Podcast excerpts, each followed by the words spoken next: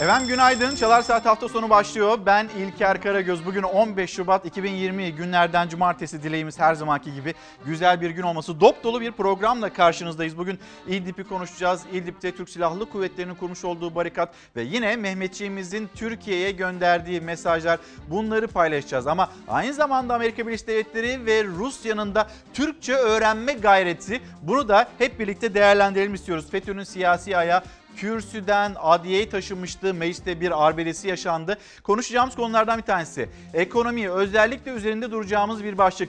Deprem gerçeği. Deprem gerçeğiyle ilgili olarak bir belediye başkanı. Avcılar Belediye Başkanı sadece kendisi için isyan etmiyor. Sadece kendi sesini duyurmaya çalışmıyor. Avcılarda yaşayan yarım milyon insanın hakkını savunuyor ve bizi lütfen duyun diyor. Çünkü avcılarda ekranlarınıza taşıdık. Fox Haber'de izlediniz. Arkadaşlarımız orada ve oraya gittiğimizde binalara baktığımızda demirin demir olmadığını gördük. Ve o binaların aslında insanların kumdan binaların üzerinde içinde yaşadıklarını gördük. Bununla ilgili kentsel dönüşüm adımı atacak mısınız atmayacak mısınız? Bu deprem vergileri diyorsunuz. Daha fazlasını 5 katını 8 katını harcadığınızı söylüyorsunuz diyor belediye başkanı. Nerede? Hani biz bunu avcılarda görmüyoruz diyen bir belediye başkanı birazdan burada kendisini ağırlayacağız. Bir dışarıyı göstereyim sizlere. Dışarıda yeni günün nasıl başladığının bilgisini de paylaşmış oldum İstanbul için. Bulutlu bir gün zaman zaman e, sağanak yağışın yaşanacağı bir gün olacağı bilgisini verelim. Bugün en yüksek sıcaklığın 10 derece e, olacağı bilgisiyle birlikte bir memleket havası çok haberimiz var. Hızlı hızlı ekranlarınıza taşıyalım.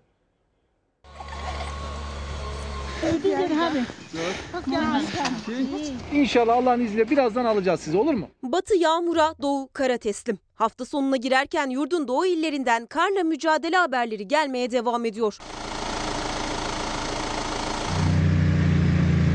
Yozgat'ta kar nedeniyle mahsur kalan iki kişi AFAD ve jandarma ekiplerince kurtarıldı. 8 gün önce traktörle piknik yapmak için çıktıkları yaylada mahsur kalan iki kişi yayla evine sığındı. Kar etkisini giderek artırırken erzakları da azaldı. Telefonla AFAD'ı arayarak yardım istediler. AFAD ve jandarma ekipleri özel paletli kurtarma aracıyla iki kişiyi kurtardı. Bizi kurtarmaya çalışan AFAD ekibine, Çayırlan İl Jandarma Müdürlüğü'ne, kaymakamımıza buradan çok teşekkür ediyoruz. Son 26 yılın kar kalınlığı rekorunun kırıldığı Van'da 1 metrelik kar kütleleri var. 516 yerleşim yeri yolu ulaşıma kapandı. Çatak ilçesinde kalp krizi şüphesi bulunan iki kişiyle hamile olan bir kadın helikopterle kurtarıldı. Saray ilçesinde 3 çocuk, Başkale ilçe merkezinden bir çocuk ve hamile bir kadın da karayolundan Van'a ulaşım sağlanamayınca helikopterle hastaneye sevk edildi. Kimler gidiyor? 1, 2, 3. Kayseri'de yamaç paraşütü yapmak için Ali Dağı'na çıkan Alim Çıtak yeterli rüzgarı bulamayınca atlayış yapmadı. Bu arada iyice soğuyan hava nedeniyle geride dönemedi. İhbar üzerine olay yerine AFAD ve JAK ekibiyle iş makineleri sevk edildi. Çıtak sağ salim kurtarıldı.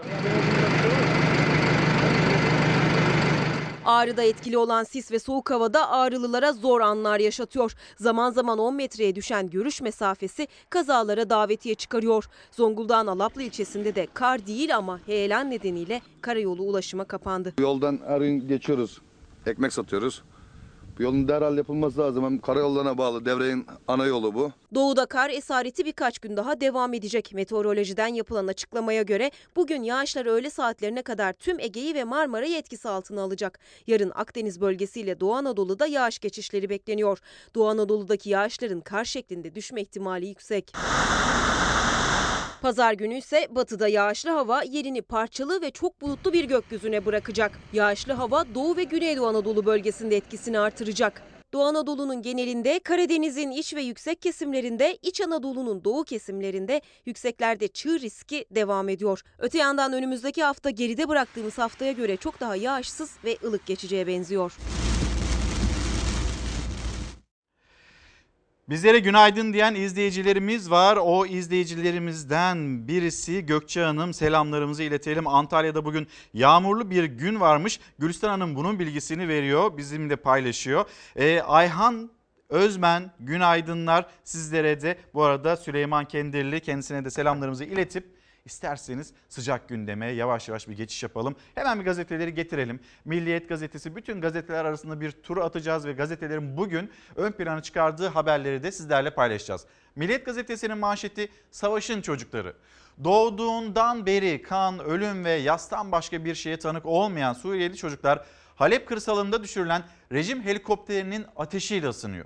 Suriyeliler güvercine meraklı. Kaba inşaatı bitmiş 3-4 katlı evin çatısına ufak bir güvercin kafesi kondurulmuştu. İdlib'li göçmenlerden birisi diyerek de Deniz Bayramoğlu'nun bir değerlendirmesi İdlib civarında. Savaşın çocukları çok çarpıcı bir haber. İşte düşen bir helikopter o düşen helikopterin e, sıcaklığıyla ısınmaya çalışan çocuklar. Savaşta biliyorsunuz önce gerçekler sonrasındaysa çocuklar yaşamlarını yitiriyor. Siviller yaşamlarını yitiriyor. Ama dünya buna dönüp bakıyor mu mesela Amerika Birleşik Devletleri'nin umurunda mı ya da Rusya'nın umurunda mı? Onların hiç umurunda değil. Orada soğuktan yaşamını yitirmiş olan iman hiç kimsenin ama hiç kimsenin maalesef umurunda değil. Milliyet gazetesinden seçtiğimiz bir haber daha var. Hemen onu da taşıyalım ekranlarınıza. Çin'in Wuhan kentinde mahsur kalan ve Koca Yusuf'la Türkiye'ye getirilen 32'si Türk 42 kişinin Zekai Tahir Burak Hastanesi'ndeki 14 günlük karantinası sona erdi.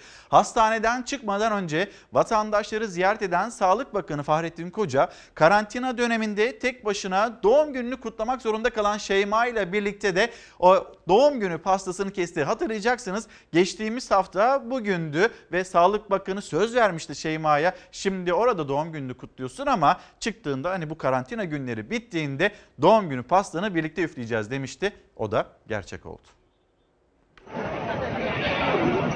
Dünyanın korkulu rüyası korona hız kesmeden devam ediyor. Japonya'ya da sıçrayan salgında hayatını kaybedenlerin sayısı 13 Şubat itibariyle 121 kişi daha artarak 1488'e ulaştı. Vaka sayısının ise 63.851'e ulaştığı belirtiliyor. Çin'den memlekete getirilen Türk vatandaşlarının karantina süresi ise bitti. Hastaneden sağ salim taburcu oldular. 14 günlük süre bitti. Bundan sonraki süreçte e, normal hayatlarına devam ediyor olacaklar. Sağlıklı olmaktan da çok mutluyum şu anda. Çin'in Wuhan kentinde başlayıp onlarca ülkeye sıçrayan koronavirüsü salgınında dünyayı dehşete düşüren haberler ardı ardına gelmeye devam ediyor. Ulusal Sağlık Komisyonu tarafından yapılan açıklamada 13 Şubat itibariyle 121 hastanın daha hayatını kaybettiği duyuruldu. Virüs nedeniyle yaşamını yitirenlerin sayısı 1488'e yükseldi. Öte yandan dün Hubei bölgesinde teşhis için yeni klinik yöntemler kullanılmaya başlandı. Dolayısıyla vaka sayısında ciddi bir artış görüldü.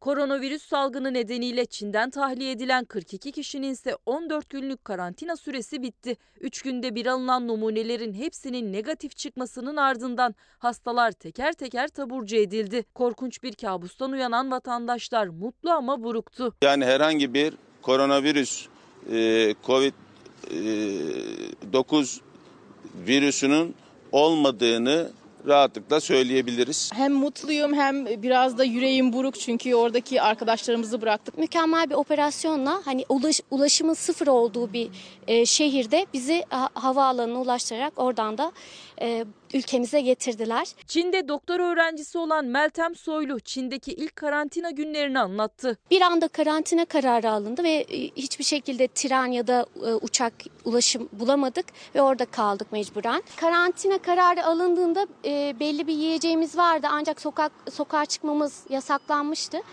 Ee, ve hani e, tam bir süreyi bir sürenin ne kadar olacağını bilmediğimiz için ve uçağımızın ne zaman geleceğini bilmediğimiz için onu yetirmemiz gerekiyordu. Wuhan'da İngilizce öğretmenliği yapan Burcu Öneri ise Ankara'da Doktor Zekai Tahir Burak Kadın Sağlığı Eğitim ve Araştırma Hastanesi'nde hoş bir sürpriz bekliyordu. Yıllar önce dünyaya geldiği odada adeta ikinci hayatına başladı. Nerede kalmıştın anne dedim. Üçüncü kat 307 numaralı odada kalmıştım dedi. Dedim bu kadar yani milyonda bir olacak bir olay gerçekleşti. Dedim aynı odadayım sana iyi baktı bu oda bana da iyi bakacaktır. Koronavirüslerin spesifik bir tedavisi bulunmuyor. Çoğu zaman semptomlar kendi kendine geçiyor. Hekimler ağrı kesici ve ateş düşürücü ilaçlar yazarak semptomatik tedavi uyguluyor. Dilek Hanım, Dilek Turan günaydın. Diyor ki bizlere e, Kaliforniya'dan selamlarını iletiyorlarmış. Haberleriniz bitsin ondan sonra uyuyacağız. Bizleri izlemekteler. Hem Türkiye'den izleniyoruz kuşkusuz hem de e, dünyanın çeşitli yerlerinde yaşayan e, vatandaşlarımız memleketten haber almaya çalışıyor. Dilek Hanım'a da günaydınlarımızı iletelim. Milli Gazete, Milli Gazete'nin manşeti drone'la çocuk katliamı.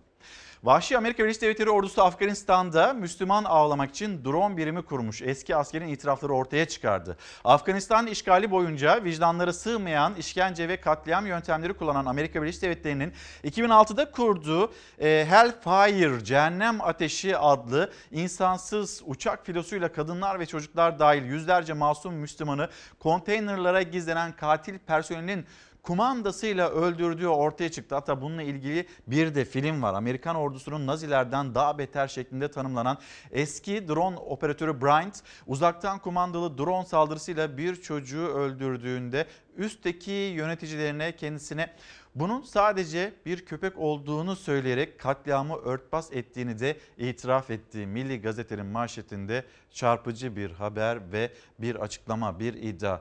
Gözler açık gitti. Gözleri açık gitti haberi. Bütün dünya buraya dikkat kesilir mi acaba? Bugüne kadar maalesef görmedik ve şimdiden sonra bari birilerinin gözü açılsın. Birileri artık kör, sağır, dilsiz olmaktan vazgeçsin diye bu haberlerin paylaşılması gerekiyor. Soğuktan donan 1,5 yaşındaki İman Ahmet Leyla bebek gözleri açık gitti. Suriye'deki saldırılar nedeniyle evsiz kalan ve sığındıkları Türkiye sınırındaki kamp bölgesinde soğuktan ölen 1,5 yaşındaki İman Ahmet Leyla gözleri açık hayata veda etti. Suriye'ye Amerikan Doktorları Derneği yaptığı yazılı açıklamada sabah saatlerinde bir kız çocuğunun babasının kucağında Afrin ilçesindeki kurumun desteklediği sağlık merkezine getirildiği bildirildi. Açıklamada kız çocuğunun hastaneye ulaşmadan önce soğuktan öldüğü kaydedildi. Anadolu Ajansı'nın Afrin'de ulaştığı şifa hastanesinde adını paylaşmak istemeyen sağlık görevlisi bebeğin babası tarafından hastaneye getirilmeden 2-3 saat önce öldüğü tespit edildi. İşte bu bilgileri paylaşıyor. Gözlerinin içine bakacak yüzümüz olmadığı için gözlerini kapattık. İşte o fotoğrafta Leyla'nın, İman Ahmet Leyla'nın gözlerinin için kapalı diye soran, sorgulayan bir izleyicimiz varsa gözlerinin içine bakacak gücümüz de yoktu, cesaretimiz de yoktu, yüzümüz de yoktu. İşte biz o yüzden kapattık demekte Milli Gazete. Şimdi İdlib'e gideceğiz. İdlib'e gideceğiz ama sınırlarımızın içindeki terörle mücadele buraya da bir dikkat kesilmek lazım.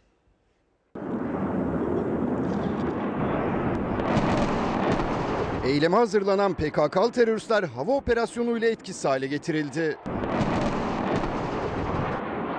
İnsansız hava araçları Irak'ın kuzeyindeki Kandil bölgesinde bir grup teröristin hareket halinde olduğunu tespit etti. İHA'ların verdiği koordinatlara savaş uçakları nokta atışı yaptı. 6 PKK'lı terörist etkisiz hale getirildi.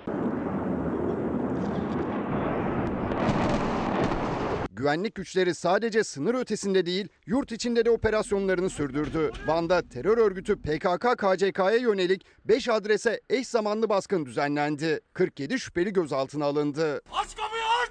Aç polis! Şüphelilerin ev ve iş yerlerinde yapılan aramalarda çok sayıda dijital materyalle örgütsel döküman ele geçirildi.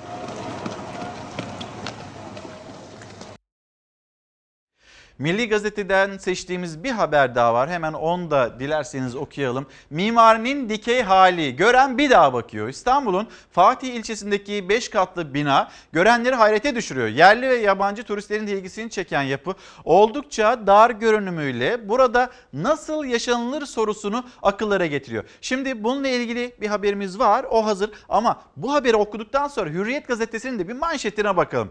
Hürriyet gazetesinin manşetindeki haber ne? Dikey dikey mimariye yaklaşım ne? Cumhurbaşkanı Erdoğan'ın cümleleri onu da biraz böyle hatırlatarak dikeye fren yataya geçiş, kentlerin süretini bozan dikey yapılaşmaya karşı tarihi bir adım atıldı. Şehirlere nefes aldıracak yasa mecliste kabul edildi. İşte yeni düzenlemenin detayları. Mevcut düzenlemede binanın olduğu, oturduğu alan düşük tutulup inşaat alanı hakkı yükseklikten yana kullanılabiliyordu. Bundan böyle bu uygulama ortadan kalkıyor. Artık kat yüksekliğine firmalar karar veremeyecek. Kat sınırlarını belediye meclisleri belirleyecek. Bundan sonra belediyeler parsel bazında nüfusu, yapı yoğunluğunu, kat adedini, bina yüksekliğini artıran imar değişikliği yapamayacak. Kat sınırlaması inşaata başlanmayan planlarda uygulanacak.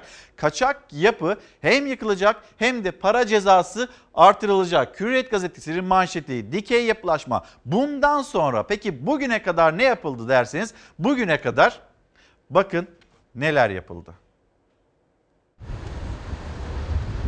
Arkadaşın dedesi yan tarafı izin vermedikleri için e, o, o şekilde binayı yani yer olmadığı için bu şekil yapmış. Bir yanında depo, diğer yanında iki katlı bir ev. Ortada ancak tek oda genişliğinde inşa edilen, görenleri hayrete düşüren 5 katlı ilginç bir bina. Her gelen onun resmini çekiyor binanın. Yani değişik bir enteresan bir yapı. Arsanın genişliği kadar inşa edilmiş bina 5 katlı. Ön cepheden de anlaşıldığı gibi tek pencere yani tek oda var içinde. Esnaf alışık olsa da ilk kez görenleri şaşırtıyor. İstanbul Fatih'teki bu bina ve çatısındaki sayısız baz istasyonu. Sanki bir metrekare genişliği var, 7 metre uzunluğu var. Pek yaşanabilir gibi gelmiyor ama. İlgici ama ne yapacak? Adam bu arzayı değerlendirdi. İlginç apartmanın daireleri küçük olduğu için içi bir ailenin yaşamasına uygun değil. Yaşama imkanı zor. Zaten genelde hep bekarlar kalıyor. Şimdi depreme ne kadar hazırız, ne kadar binalarımız dayanıklı, yapı denetim, yapı denetimiyle ilgili e, bir adım attık mı, atmadık mı, binalarımızı güçlendirdik mi? Bir belediye başkanı, Avcılar Belediye Başkanı Turan Hançerli birazdan yanımızda olacak ve Avcılar'da yaşanılan durumu bizlere anlatacak. Ve bundan sonra hani bugüne kadar yapılanlar, yapılmayanlar, işin yanlışlarını ve doğrularını belediye, belediye başkanından dinleyeceğiz. İşte görüyorsunuz dikey yapılaşma buna itiraz ediliyor ya da Karadeniz'de Karadeniz'in e, mimarisine uymayan yapıların yapılıyor olmasına itiraz ediliyor. Ama belediye meclislerinden de o kararlar bugüne kadar çıktı. Bugüne kadar mesela Uzungöl'ü mahvetti. Karadeniz sahil şeridi orada kocaman kocaman binalar var, bloklar var. Yapıldıktan sonra ya bu olmamış, bu kötü, bunu yıkalım demenin bir anlamı olmuyor. Şöyle bir insan baktığında estetik olarak güzel olmayan projede bile gözükür bu. Projede kötü olduğu belli olan yapılara nasıl izin veriliyor? Ee, ve bundan sonra işte dikey yapılaşma, dikey yapılaşma ile ilgili atılacak adımlar kuşkusuz bizler takip edeceğiz. Ama İstanbul'un şöyle bir etrafına baktığınızda, kafanızı kaldırdığınızda her tarafın beton olduğunu, her tarafın aslında gece kondudan farksız gökdelenler haline geldiğini, bazı semtlerin ransar olarak ne kadar yükseltildiğini göreceksiniz. İşte bu yüzden başlığımızı da hatırlatalım. Takdir sizin. Şimdi aslında biz Rusya Büyükelçiliği'nin Ankara Büyükelçiliği'nin yaptığı bir açıklama üzerine takdir sizin başlığını belirlemiştik. Ne oldu hani İdlib konusunda hem Amerika Birleşik Devletleri hem de Rusya onlar birden Türkçeyi hatırladılar. Türkçe konuşmaya çalışmaya başladılar ve Rusya'nın Ankara Büyükelçiliği de Amerika Birleşik Devletleri'nin önceki dönemde YPG'ye terör örgütüne nasıl destek verdiğini hatırlatıp İdlib konusunda da Türkiye'nin yanında bizim müttefikimiz Türkiye ve şehitlerimiz var cümlelerini kurmasını hatırlatıp takdir sizin demişti. Şimdi bu konuyu konuşacağız ama aynı zamanda bu e, başlık pek çok konuya da gidebilir diye düşünüyoruz. Takdir sizin başlığı altında hep birlikte konuşalım istiyoruz. Şimdi Cumhurbaşkanı Erdoğan, Cumhurbaşkanı Erdoğan'ın cümleleri Pakistan'daydı kendisi. Oraya bir geçiş yapacağız. Dün Çanakkale, bugün Keşmir. Erdoğan Pakistan halkının Türkiye'nin Kurtuluş Savaşı'na yaptığı yardımlara değindi. Pakistan halkının Kurtuluş Savaşımız sırasında ekmeğinden artırarak gönderdiği yardımları hiçbir zaman unutmadık. Unutmayacağız. İşte şimdi de bizim için Keşmir odur o olacaktır. Dün Çanakkale, bugün Keşmir. Hiçbir farkı yok. Bizim kardeşliğimiz kan bağından değil gönül bağından geliyor dedi. Bir e, gönül bağı cümlesi Cumhurbaşkanı Erdoğan'ın e, cümleleri el ele e, Cuma namazı sonrası Pakistan Cumhurbaşkanı e, Arif Alvi ile Cumhurbaşkanlığı mescidinde kılınan bu fotoğraf e, Cuma namazından sonra çekildi. Şimdi Erdoğan'ın başka ekonomiyle ilgili kurduğu cümleler de vardı. Pakistan'dan verilen mesajlar. Tayyip Erdoğan. Keşmir sorunu çatışma veya baskıyla değil ancak adalet ve hakkaniyet temelinde çözülebilir. Pakistan parlamentosuna seslenişine Keşmir çıkışı damga vurdu. Cumhurbaşkanı Erdoğan yıllardır bitmeyen sorun için Pakistan'a destekte verdiği Çanakkale örneği dakikalarca Pakistan'a özgü şekilde meclis sıralarına vurularak alkışlandı. Pakistan halkının Kurtuluş Savaşımız sırasında ekmeğinden artırarak gönderdiği yardımları hiçbir zaman unutmadık ve unutmayacağız. İşte şimdi de bizim için Keşmir odur o olacaktır. Dün Çanakkale, bugün Keşmir. Hiçbir farkı yok. Cumhurbaşkanı Erdoğan 10. kez Pakistan'daydı. Dördüncü kez Pakistan parlamentosunda konuştu. Sadece Keşmir yoktu gündeminde. ABD Başkanı Donald Trump'ın 100 yılın planı adını verdiği Orta Doğu Barış Planı'na da sert çıktı. Sayın Trump ve Netanyahu arasındaki Kudüs'le ilgili atılan adımda 100 yılın barış planı diye yutturulan plan bir işgal projesidir. Yıkım planı karşısında da en güçlü tepkiyi yine biz verdik. Vermeye devam edeceğiz. Bir sonraki durağı ise Pakistan iş formuydu. Pakistan ve Türkiye arasındaki ticaret hacminin 1 milyar doların altında olmasını kabullenmiyorum dedi. 5 milyar dolar hedef koydu. Hem Pakistan'a hem de yabancı yatırımcılara seslendi. Şimdiye kadar ülkemize güvenen, Türkiye'nin yatırım potansiyeline inanan, Türkiye'ye yatırım yapan hiç kimse pişman olmamıştır. Pakistanlı kardeşlerimizin de ülkemize, Türk ekonomisine, Türkiye'nin geleceğine itimat etmelerini istiyoruz.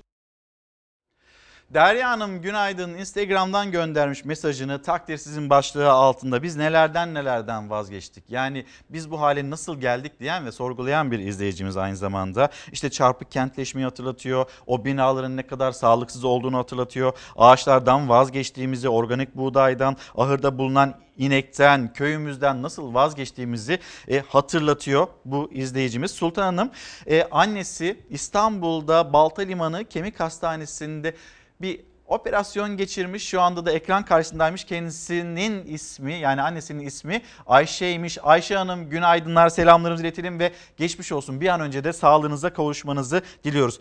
Ee, Gülsen Solaker günaydın. Gazeteci bir büyüğüm. Az önce konuşmuştuk. Hani bu rantsal mı dönüşüm yapılıyor, kentsel mi dönüşüm yapılıyor? Nasıl oluyor da dikey mimariye bu kadar izin veriliyor diye. Ankara'dan bir fotoğraf paylaşıyor. Şimdi Ankara, Ayrancı bölgesi orada en fazla işte 5 katlı hadi bilemediniz 6 katlı binalar var. Ama Ankara'da nasıl olduysa zamanında bu izinler verildi ve böyle böyle gökdelenler de yükselmeyi başardı. Bunun iznini kim verdi? Bu izinle ilgili işte bu yükselen dikey mimari bununla ilgili birilerinin de cümle kurması gerekmiyor mu? Ya biz hani belediyede böyle bir karar aldık işte o zaman şu vardı bu vardı onlar destekledi ve şimdi işin doğrusuna dönmeye çalışıyoruz. Yatay mimari doğrusu yatay mimari işte dikey mimari olur mu canım öyle şey? Ama her taraf dikey mimari. Böyle bir bina dikiliyor. Orası köyden farksız. Neredeyse şöyle bir site kuruluyor. İlçe nüfusu kadar insanların yaşadığı bir yer haline geliyor. İnsanlar nefes alamıyor. Alt alta üst üste kocaman kocaman binalar. Kimse kimseyi tanımıyor. Kimse kimseye selam vermiyor. Kimse kimseye günaydın demiyor. Böylece insanlar sonra da site kültürü bizde yok cümlesi kurulabiliyor. Ama biz yarattık ya da siz yarattınız gözünüzün önünde oldu. O planlar geldi, imar planları geldi, şehirleşme, sokak şuradan geçecek, cadde şuradan geçecek, şuraya da asfalt dökeriz, oradan da parasını alırız. Bunların planları hep yapıldı. Herkesin gözünün önünde oldu bunlar. Sabah gazetesi Sabah gazetesinden seçtiğimiz haber Mehmetçik yolu kesti. Türk Silahlı Kuvvetleri İdlib'in can damarına konuşlanarak sivilleri hedef alan Suriye rejiminin önüne dikildi. Rusya destekli Esad askerleri Cilve Gözü sınır kapısına 20 kilometre uzaklıktaki Etarıp kentine saldırdı. Türk Silahlı Kuvvetleri ise İdlib'i sınırlarımıza bağlayan yolun yakınındaki El Jinah köyünü askeri üste çevirdi. Hendekler kazıldı. Komandolar ve topçu birlikleri farklı noktalara konuşlandı. Mehmetçik yolu kesti. Türk Silahlı Kuvvetleri e, orada bir hazırlık içinde sürekli sınıra mühimmat e, desteği de devam ediyor. Ankara'nın Esad'a verdiği süre dolmaya başlıyor. Allahu Ekber. 3 günde ikinci rejim helikopteri düşürüldü. Milli Savunma Bakanlığı son çatışmalarda 63 Suriye askerinin öldüğünü açıkladı. Libya'dan Yemen'e kadar çatışmaların olduğu her yerde Türkiye'nin öncelikli hedefi kanı, yıkımı, zulmü ve gözyaşını durdurmaktır. Suriye'de saha hareketli. Esad güçleri stratejik M5 otoyolunda kontrolü sağladıktan sonra saldırılarını Halep'in batısında yoğunlaştırdı. Suriye ordusu bölgeye insani yardımların gönderildiği Babel hava sınır kapısı yönünde ilerlemeye başladı. 46. alayda kontrolü sağladı. Allahu Ekber. Rejim İdlib ve Batı Halep'e bir yandan da hava saldırıları düzenliyor. Savaş uçaklarının yanı sıra helikopterler varil bombalarıyla sivilleri hedef alıyor. İdlib'le ilgili son günlerde attığımız adımların gayesi de 4 milyon mazlumun rejimin varil bombaları altında can vermesinin önüne geçmektir. Muhalifler varil bombası atan helikopterlerden birini vurdu. Alev topuna dönerek düşen helikopterdeki askerlerden kurtulan olmadı. Allahu Ekber. Allahu Ekber. Son saldırıyla birlikte rejim 3 gün içinde ikinci helikopteri kaybetti.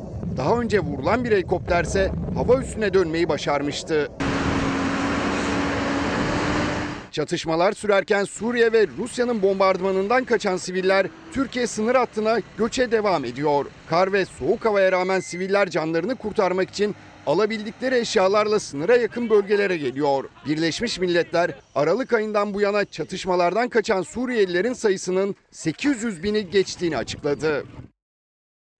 Efendim şimdi sizi İstanbul Bahçeli Evler'e götüreceğiz. 5.8'lik bir deprem sonbaharda yaşanmıştı. Sonrasında 26 Eylül tarihinde sonrasında hasar gören binalar bunların tespitleri yapıldı. Boşaltılan binalar oldu. Binalar boşaltıldı. Aylar sonra hani boşalttın yani öylece duracak mı? Elbette yıkılması gerekiyordu.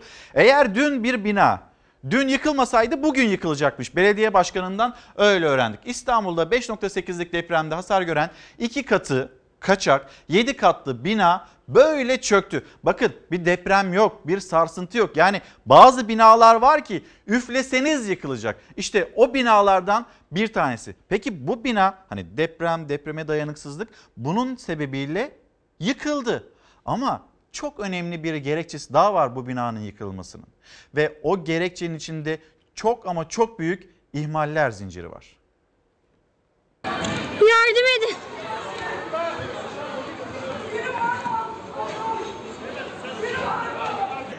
Yıkılacak bina yıkılsın. Benim de üstüme geldi. Yarın güzelce yıkılacak bina suyu sıkaraktan etrafa zarar vermeden aşağı doğru yukarıdan baş aşağı doğru yıkılacak bina. Değil bir saat bir dakika bile beklemeye vakit olmadığının kanıtıydı çöken bina. Enkaz toz bulutu. Deprem sonrasından farksızdı ama. İstanbul olası depreme hazır mı sorusu yanıtını ararken deprem olmadan yıkıldı apartman. Hasarlı olduğu için boşaltılmıştı ama bir buçuk aydır kepçe vurulmamıştı. Kimi altında kalmaktan son anda kurtuldu, kimi ise yaralı kızı için gözyaşı döktü. Tam diyordum ki anneme hani aa bak burası boş yıkılacak herhalde diyordum. Tam o sırada binaya bakarken çok şükür gördüm. Yavaş bir şekilde üstüme doğru devrildiğini gördüm. Karşı bina yıkılınca kızımın üstünde geliyor yeni binanın üstüne. Ondan sonra kızıma da vuruyor. Kız, Yaralandı herhalde. Ha, kızım da kolu, kolu yaralandı. Gö- Götürdüler hastaneye bakalım ne olacak. İstanbul Bahçelievler'deki 7 katlı bina 29 yaşındaydı. İddiaya göre 3 katı kaçaktı. Eylül ayındaki 5,8'lik depremden sonra yıkım kararı verildi. 27 Aralık'ta bina boşaltıldı. Bir firmayla anlaşıldı ama hiçbir denetim olmadan haftalardır yıkım bekleniyordu. İlçe Belediye Başkanı Hakan Bahadır o firmanın demirleri aldığını, zayıflayan binanın da o yüzden çöktüğünü açıkladı. Ancak neden vaktinde harekete geçilmediğinin yanıtı yoktu belediye başkanında. Yıkım firmasının gelip aşağıda kolonlardan, kirişlerden demirleri alıyorlar. Demirleri alınca ondan dolayı bina yıkılıyor. Bahçelievler'deki bina depremde hasar görmüş, boşaltılmıştı. Boşaltılmıştı ama bina yetkililer tarafından yıkılmadı. O yıkılmayan bina da bir depreme gerek kalmadan kendisi yıkıldı. Zarar gören binada ailem vardı yani anneannem, teyzem, kuzenim. Anneannemin beline beton geldi söylendi. Bahçelievler'deki bina yıkılınca yan binaya da komşu binaya da zarar verdi. Bu nedenle kurtarma ekipleri ve AFAD görevlileri şu anda enkazın hemen üzerinde. Binanın altında herhangi biri kaldı mı diye şu anda dinleme yapıyorlar. Herkes olduğu yere çöksün. Yerinden hareket etmesin. Lütfen herkes olduğu yere çöksün. Binanın alt katında iki hurdacının olduğu iddiası uzun süre alarmda tuttu ekipleri ama neyse ki kimse yoktu. Soruşturma başlatıldı. Civardaki 5 binada tahliye edildi. Ancak bu bina gibi riskli bulunan ama hala yıkılmayan apartmanlarla dolu İstanbul. İşte onlardan biri. Hızlı önlem alınmazsa Bahçeli Evler'de çöken binanın kaderiyle karşı karşıya. Avcılarda hasarlı diye boşaltılmış ancak henüz yıkılmamış ve bir an önce yıkılması gereken binalar da var. İşte bu bina altından araçlar, insanlar geçiyor ve bu şekilde kalması herkes için büyük bir tehlike. Bu sokak ana arter sokak. Metrobüse inilen bir cadde ve aşağısı da okul. Buradan her gün sabahlar çocuk sabahleyin çocuklar geçmekte. Böyle İstanbul'da boşaltılmış olan ve yıkılmaya yüz tutan kaç tane bina var ve mesela Avcılar depremin merkez noktalarına en çok vuracağı söylenilen yerlerden bir tanesi. Günlerdir oradan haberler yapıyoruz. Şimdi Avcılar Belediye Başkanı Turan Ançerli. Günaydın efendim. Günaydın. Hoş geldiniz. Hoş bulduk. Çok Şimdi teşekkür ederim. isyan eden bir belediye başkanısınız. Belediye meclisine sesini duyurmaya çalışan bir belediye başkanısınız. Ama bunu kendiniz için yapmıyorsunuz. Yarım milyon insan, yarım milyon insanın hayatı için yapıyorsunuz. Ne olduğunu e, sizlere soracağım. Size soracağım. Hani nasıl bir tavırla, tabloyla karşılaştığınızı e, soracağım. Onu konuşmak istiyoruz ama Sözcü gazetesinde sizinle ilgili bir haber var. Ve Avcılar'da bunun gibi 1500'e yakın bina olduğunu söylüyorsunuz. Birincisi böyle bir şey nasıl olur? Bir belediye var. Ee, belediye işte bunun yıkılma işlemleri ilgilenmesi gerekiyor ve bir firmayla anlaşılmış. Yıkılacak olan binanın demirleri önden alınmış. Ya yıkın binayı demirini ondan sonra alacaksanız alın ondan sonra toplayın. Dün yıkılmasaydı bugün biz yıkacaktık cümlesi. Ya bir insanın üzerine devrilseydi işte orada yaralanan insanlar var. Bu açıklamayı nasıl buluyorsunuz? Nasıl değerlendiriyorsunuz? Burada bir ihmal yok mu? Öncelikle ve avcılara da geçiş yapalım böyle. Yani tabii ülkemizde maalesef e, birileri, bazı insanlar e, yaşamı konuşurken, insanların geleceğini konuşurken bazıları da e, kendi bireysel çıkarları için başkalarının yaşamını yok sayabiliyor. Tabii e, o demir alma meselesi kaçak alınmadır. Yani savcılık da bu konuda bir araştırma, e, soruşturma başlatmış. Yani bir belki gözü dönmüş diyelim. Para için şey yapan bazı insanların kaçak yaptığı bir işlemdir.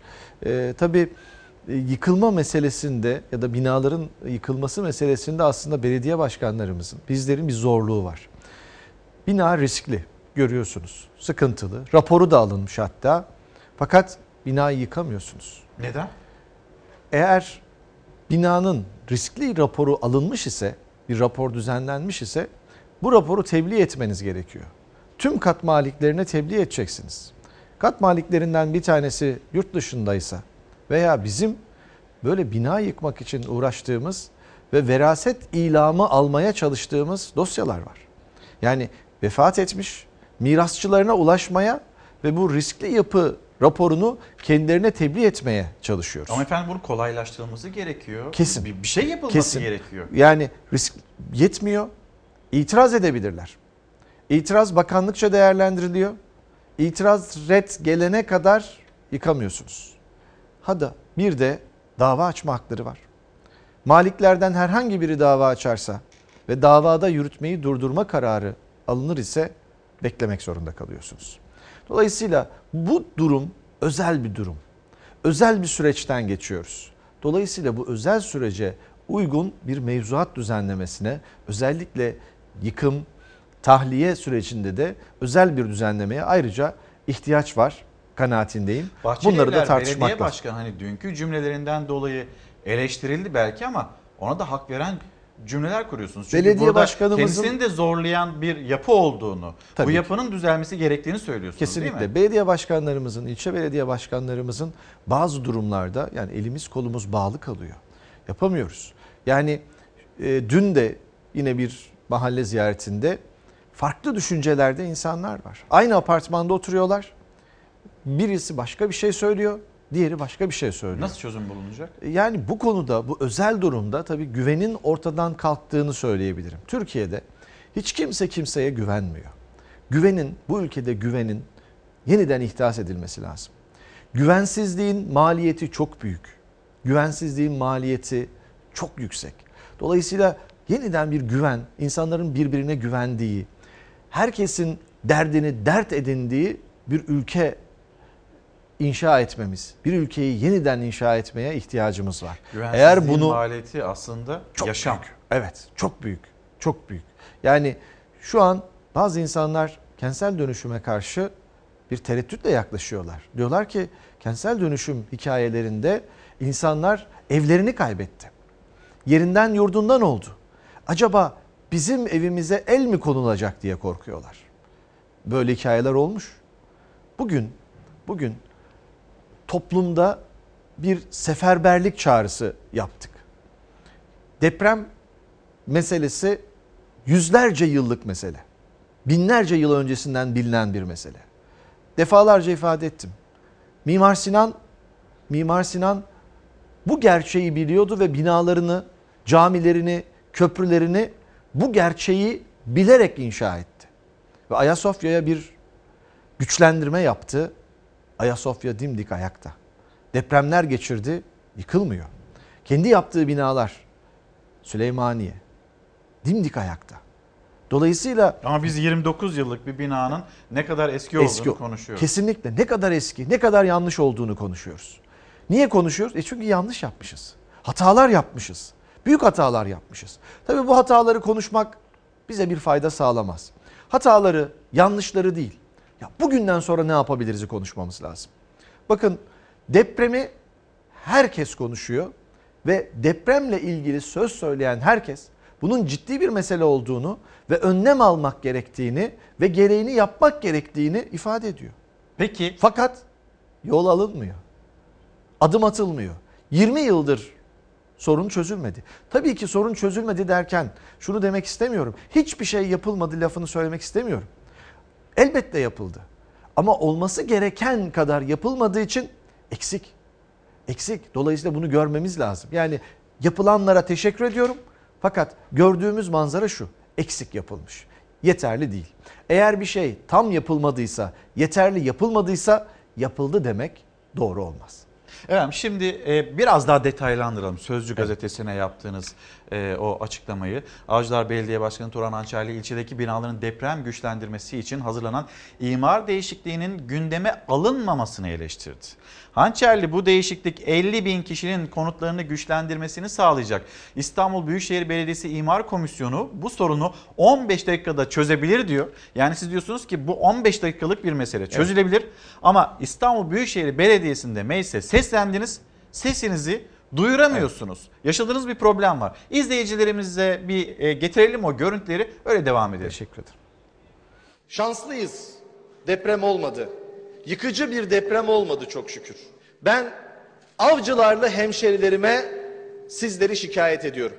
Avcıların sorununu çözmedi İstanbul Büyükşehir Belediye Meclisi. Ve hem de görevi olduğu halde hem de yetkinin tamamı bu mecliste olduğu halde hem de 15 dakika içerisinde çözebileceği halde. Ben çözüm bekliyorum. Çözüm üretmesi gereken işte bu meclis, kanunca verilen görev de bu meclisin, yetki de bu meclisin. Ama maalesef 5 aydır çıkmadı. Biliyorum komisyon başkanım ve üyelerim yapabilir. 15 dakika ara verelim. Komisyon raporunu buraya getirsin. Oy birliğiyle bir karar geçirelim. Hadi daha fazla beklemeyelim. Siyasi kavgalardan, siyasi çekişmelerden ve tartışmalardan işte bu konu için hadi uzaklaşalım. El ele vermenin zamanı geldi.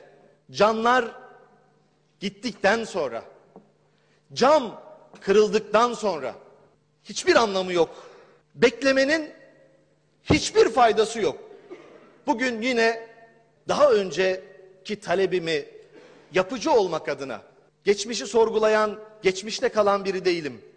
Yaşamımdaki başarının asıl mihenk taşı da bu. Ne yapabiliriz? Hep onu soruyorum. Şimdiden sonra ne yapabiliriz diyorum. Ve bu yapıcı çözüm önerimi yine yineliyorum. Tüm kitaplarda, dinlerimizde, anayasamızda ve her şeyce kutsal sayılan, öncelikli sayılan hak yaşama hakkı.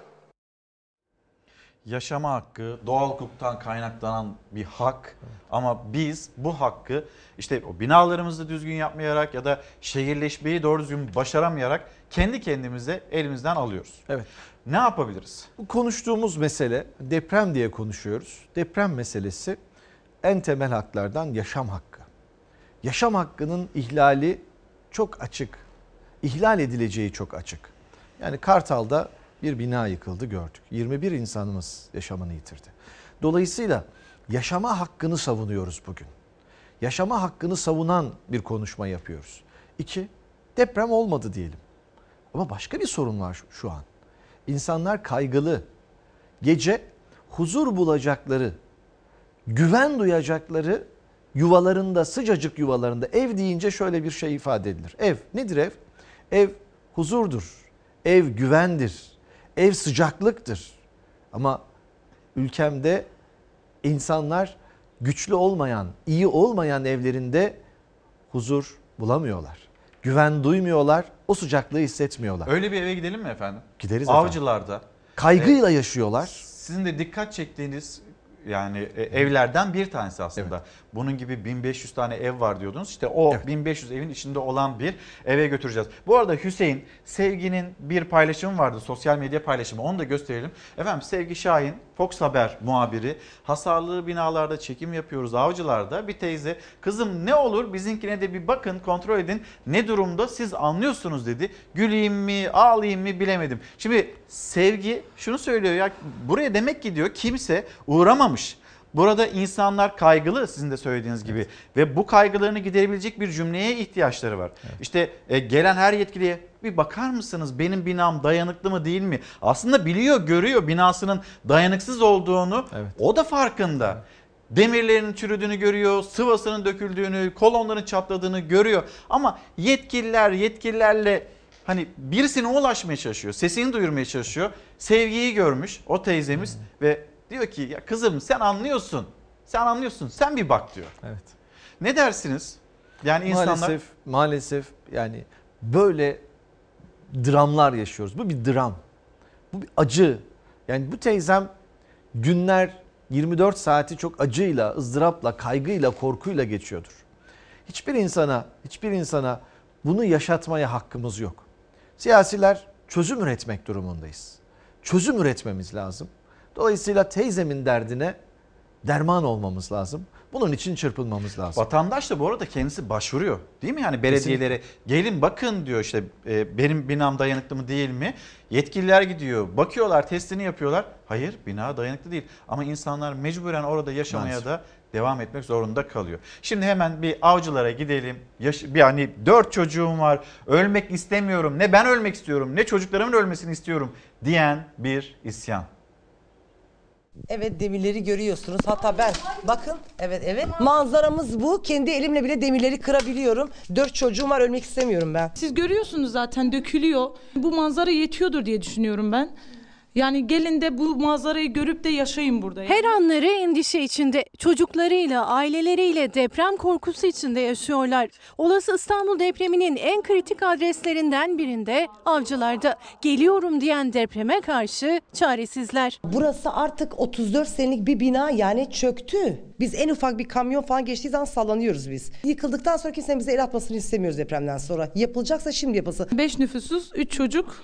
Ee, yani çok korkuyoruz biz. Ee, durumumuz da yok. 17 Ağustos Marmara depreminde Avcılar Gümüşpala mahallesi en fazla yıkımın olduğu yerlerden biriydi. Şimdi o mahallede 34 yıllık bir binanın bodrum katındayız ve kameramıza yansıyan manzara artık binanın tavanı çökmek üzere hatta çökmüş. Buradaki beton yığınlarından gelecek olan tehlikeyi görmeniz mümkün. Ancak bu binada çocuklu aileler yaşamaya devam ediyor. Mühendisler 7,5-8 milyon para çıkardı. Yani her bir kişi verse diğerleri veremiyor. Maddi imkanları olsa daha sağlam bir binaya çıkacaklar ama ne kentsel dönüşüme ne de kiraya çıkacak paraları var. Yani onlar bu eski binada korkuyla oturmaya devam etmek zorunda. 20 yıldır önlem adına hiçbir şey yapılmamış avcılarda Gümüşpala mahallesinde oturan Güleser teyze kendi imkanlarıyla yaptığı alçıyla evini işte böyle tamir etmeye çalışmış. Yatağının yanındaki duvarları bu şekilde alçı yapmış Teyzeciğim bu ne kadar sizi korur? Vallahi bilmiyorum ne koruyacak yavrum. Her an için tehlike yani Allah korusun korkuyor yavrum. Bir de adam da hasta. Bu alçıyı siz mi yaptınız? Ben yaptım kızım. Ben böyle elimle ben yaptım. O betonları ne ben elimle suvadım oraları. Belediyeden gelip bize deniz kumundan yapılmış beton görünümlü dediler. İşte gördüğünüz gibi hatta elleriyle çıkarıp gösterdiler bize bu şekilde. Demirlerimiz hep pas tutmuş durumda. Bırakın 7.5'i falan 5'de bile gider yani. Belediyenin tespiti deniz kumundan yapılmış beton görünümlü. Beton mu? Değil. Neden yapılmış? Deniz kumu. Tuzu ayrıştırılmış mı? Yok o belli değil. Tespit edilememiş. E ayrıştırılmadıysa zaten o binanın temelini, demirlerini çürüten ana gerekçe bu. Bu insanlar böyle evlerde yaşamak zorunda mı? İşte gördünüz efendim. Ne olacak? Efendim riskli yapı belgesi almanın vatandaşlar bakımından yararı var. Türkiye Cumhuriyeti Devleti, devletimizin riskli yapı belgesi alan yapıların dönüşümünde sunduğu katkılar var. Belediyemizin sunduğu katkılar var.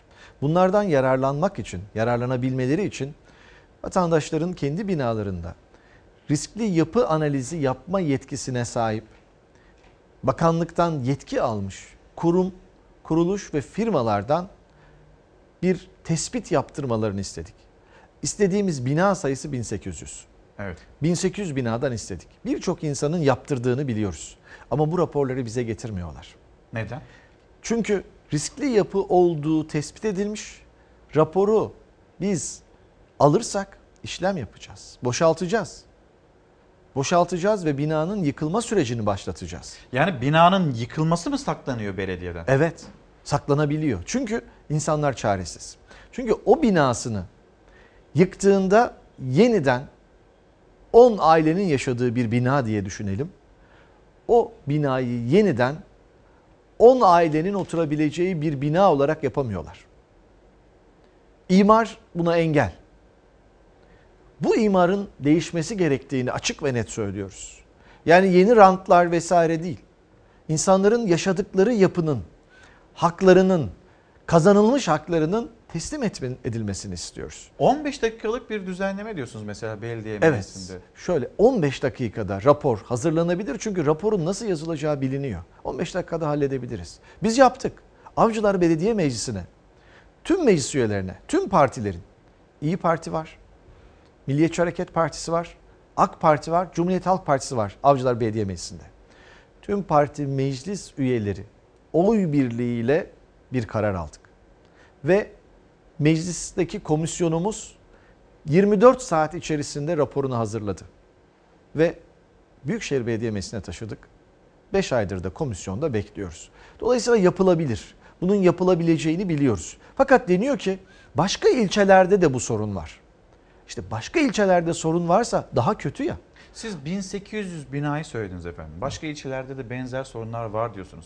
Aldığınız yanıt ne? Ya neden saklanıyor? Başka ilçelerde de sorun var. Bunları da çözelim deniyor.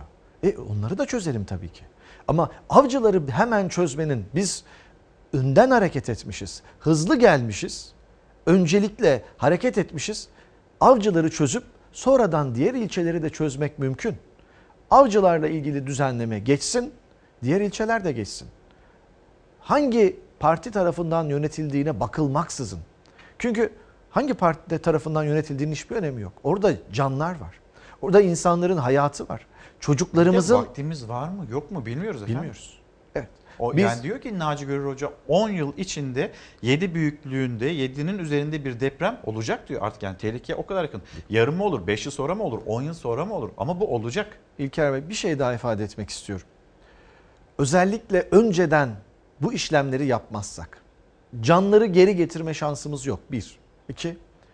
İstanbul'u da göreceğimiz sıkıntı, yıkıntı ve sorunları ülkemizin hiçbir başka bir ilinin çözme ihtimali yok.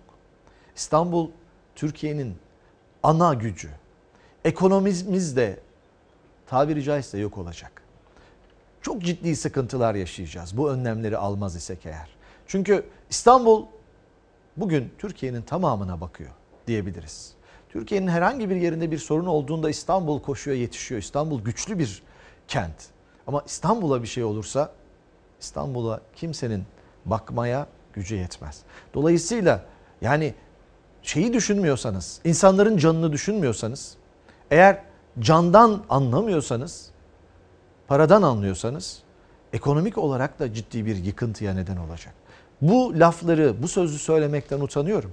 Ama maalesef yani bir şarkıcımızın söylediği bir şey var. Unun var mı? Var. Yağın var mı? Var. Yani şekerin var mı? Var. E, helva yapsana diyor. E, bizim de yani bütün herkesin söylediği açık ve net bir şey var. Evet deprem gerçeği var. Bunda hassas olmalıyız. Siyaset yapmamalıyız deniyor. E, hadi yapmayalım o zaman. E, niye bekliyoruz? Neyi bekliyoruz daha? Ben anlamıyorum. Yani isyanım da buna aslında. Zor olan bir şey olabilir. Yapmak için, oldurmak için çaba sarf ediyor olabiliriz. Ama fikir birliğimiz var. Ve yapabilecek durumdayız. Yani Avcılar Belediye Meclisi'nde verilen kararın onaylanması İstanbul Büyükşehir Belediye Meclisimizde. Hem yetkimiz hem görevimiz hem de 15 dakikada yapabiliriz. Yapılmıyor. Şimdi bunun yapılmaması, bunun yapılmaması başka sorunları da beraberinde getiriyor. Bunu yapılmıyorsa diğer şeyler hiç yapılmaz diye düşünüyoruz. Çünkü başka yapmamız gereken şeyler de var. Bu bir seferberlik. Herkes ama herkes taşın altına elini koymalı. Bu bir seferberlik. Seferberlik ilan etmeliyiz. Böyle bir seferberlik e, ilanı istiyorsunuz. Peki o sürecin içinde mesela Kanal İstanbul'un tartışılmasına 75 milyar liralık, 100 milyar liralık Kanal İstanbul'un tartışılmasına ne diyorsunuz? Kısacık alabilir miyim orayı da? Yani o konuda tabii önceliklerimiz olmalı. Önceliklerimiz. Önceliğimiz eğer önceliğin ne olmasın gerektiğini bilmiyorlarsa, bilmiyorlarsa evlerine baksınlar. Her siyasetçi anne, baba evlerine baksınlar. Evlerinde önceliklerini nasıl belirliyorlarsa, önceliklerini nasıl belirliyorlarsa siyasette de önceliklerini öyle belirlesinler. Ben böyle yapıyorum.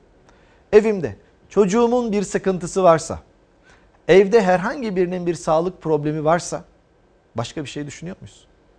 Yaşamla ilgili bir problem varsa, açlıkla ilgili bir problem varsa başka bir şey düşünüyor muyuz? Başka bir şey düşünemiyoruz. Öncelikle o sorunları gideriyoruz. Çocuğumuzun bir ihtiyacı varsa onu gidermeden biz kendimize araba almayı ya da elbise almayı düşünmüyoruz. Çocuğumuzun ayakkabısını almadan başka bir şey almıyoruz. Ya da hastaneye gitmek gerekiyorsa illa da ben araba alacağım, ben elbise alacağım demiyoruz. Dolayısıyla devleti yönetirken de, belediyeyi yönetirken de işte bu basit bildiğimiz, yaşadığımız şeyi rehber edinmemiz lazım. Dolayısıyla kanala da böyle baktığımızda kanal öncelikli meselelerimizden değil. Kanal konuşulsun, kanal tartışılsın. Lehte aleyhte görüşler olabilir, düşünceler olabilir. Ama ama öncelikli değil diyorsunuz. Gerçek öncelikli olan şu binaların güçlendirilmesi. Evet. Bununla ilgili bir teklif Yaşam. var, bir öneri var. Ee, CHP milletvekili İlhami Özcan Aygun'dan bir nedir teklifi paylaşalım izleyicilerimizle. Sadece o asarlık kolona kenevirden oluşmuş olan çuvalın veya bezle beraber kimyasal epoksiyle o kolonun etrafına surarak o binayı güçlendireceğiz. Deprem anında içerideki insanların dışarı çıkmasını sağlayacağız. Kenevirle üretilen tuğlalar, evet, kenevirden üretilmiş tuğlalar ve malzemeler depreme karşı inanılmaz dayanıklılık gösteriyor. Binalarda kenevirli bazı sargılarla kolonları sıkıştırılıp bu konuda işte gördüğünüz gibi kolonları sıkıştırarak ketenle ve dayanıklı yapıyorsunuz. Tam o kolonları üç katı dayanıklık haline getiriyorsunuz. Nereden biliyorsunuz derseniz işte İstanbul Büyükşehir Belediyesi Üstün'ün akredite laboratuvarındaki raporlar arkadaşlar. Bu şekilde o asarlı kolonları üç kat güçlendirme imkanımız var. 19 ilde kenevir ekilmesi için izin çıkardık, yetki verdik. Cumhurbaşkanımız da 9 Ocak'ta dedi ki kenevir ekilmesini önemsiyorum ama biz bir şey yapmadık. Uyuyoruz arkadaşlar. O günden bugüne kadar değerli arkadaşlar daha bir tane kayıtlı tohumumuz yok. Ulu Önder Mustafa Kemal Atatürk 1930'da Atatürk Orman Çiftliklerinde, Silifke'de, Tarsus'ta, Yolova'da, Ankara'da, Lüleburgaz'da kenevir ektirmiş arkadaşlar. Engin Bey günaydın. Engin Güner başkanın söyledikleri çok önemli. Kulak verilmeli diyor. Gönderdiği mesaj bu şekilde. Ve mecliste böyle bir öneri, teklif daha önce duymuş muydunuz? Böyle bir değerlendirme Şöyle yapmış efendim, mıydınız? Duymadım ama şunu biliyorum. yüzlerce yıl önce dayanıklı yapı yapmak, güvenli yapı yapmak mümkün. Yani bilime kulak verirseniz, teknolojiye kulak verirseniz, çalmazsanız, çırpmadan yaparsanız güvenli yapılar, güçlü yapılar, dirençli yapılar yapmak mümkün.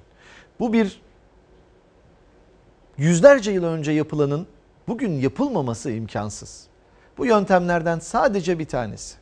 Yeter ki niyet olsun. Yeter ki iyi niyetli olalım. Yüzlerce yeni teknoloji, yüzlerce yeni bu konuda yapılabilecek iş var. Mimar Sinan yaptı ve bize gösterdi. Bakın bir gölün önünde, büyük çekmece gölünün önünde öncesinde sürekli yıkılan ve daha sonra Mimar Sinan'dan sonra da yapılan köprülerin sürekli yıkıldığı, yeniden yeniden yapıldığı bir köprü var. Ayakta. Dimdik ayakta. Yani doğal olaylara karşı, yani orada da sel var, deprem var.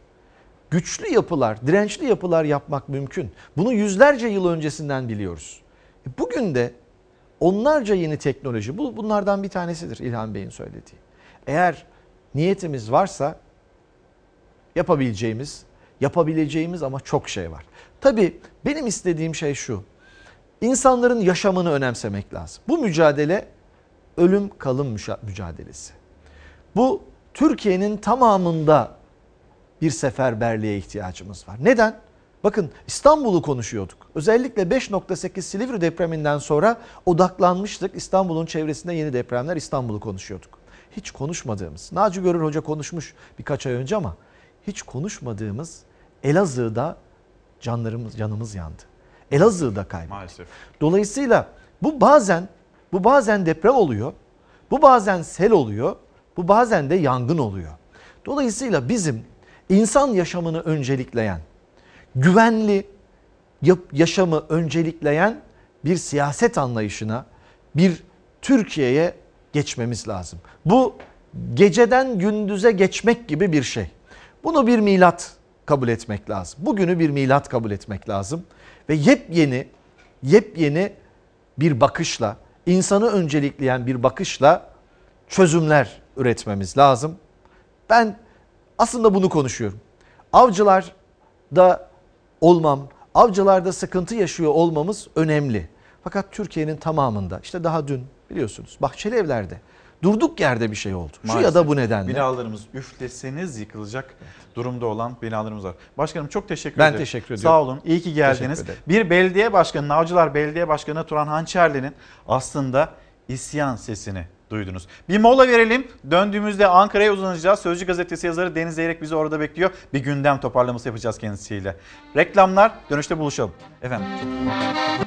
Efendim bir kez daha günaydın. Çalar Saat hafta sonu devam ediyor. Şimdi hemen kameralarımızı bir Ankara'ya çevirelim. Ankara'da bizi Sözcü gazetesi yazarı Deniz Zeyrek bekliyor. Deniz abi günaydın. Birazcık beklettim ama konu çok önemliydi. Avcılar, avcılar işte biz günlerdir oraya gidiyoruz. Oradan haberler yapıyoruz.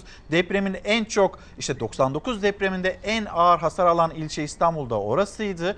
Ve şimdi de 99'dan 2020 yılına kadar ne yaptık, neyi doğru yaptık, neyi yaptık, neyi yapamadık bunu konuşmamız gerekiyordu. O yüzden beklettim. Ama biliyorum ki bu konuya dair senin de eklemelerin olacak, cümlelerin olacak. Öyle başlayalım. Evet. Yani gerçekten hayretler içinde dinledim. E, Bir belediye başkanı ortaya çıkmış çırpınıyor. Yani başına gelecekleri anlatıyor. Yıkım yapmak istiyor. E, Yaptırmıyorlar ya böyle bir şey olabilir mi? Niye bunun mantığı nedir? Buradan Tevfik Göksu'ya sesleniyorum. Yeter yani oradaki insanlara acısınlar ya. Esenler'de oturmuş kentsel dönüşümü en iyi ben yapıyorum diyor Sayın Göksu. E, bıraksınlar avcılar da yapsın. Yani avcıların da buna hakkı var. Oradaki insanların da deprem riskinden kurtulma hakkı var. E, AK Parti grubunun destek vermesi lazım. Bu meselenin bir an önce İstanbul Büyükşehir Belediye Meclisi'nde gündeme alınması lazım. Bu yıkımların yapılması lazım. Avcıların ciddi bir kentsel dönüşüme ihtiyacı var. Ben bizzat gittim yerinde de gördüm. Yani gerçekten içler acısı bir durum. Bir ilçenin belediye başkanı çıkmış bir şeyler yapmak istiyor ama elini kolunu bağlamışlar. Yani e, inanılmaz bir şey. Ben ben üzüldüm doğrusu dinlerken de.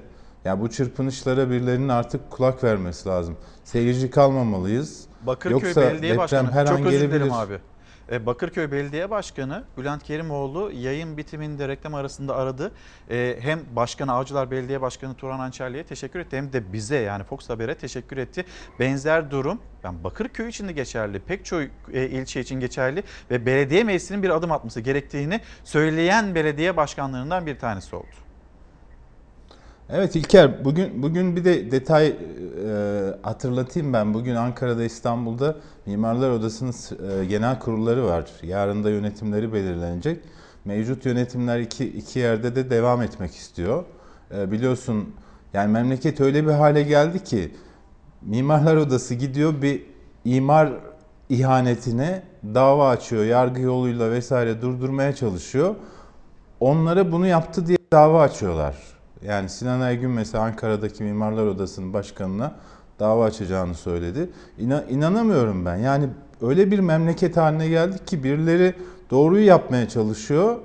Yanlış yapanlar o kadar böyle hem zorlu hem güçlü pozisyonda ki onları doğruyu yaparken hem engelliyorlar hem haklarında dava açıyorlar vesaire.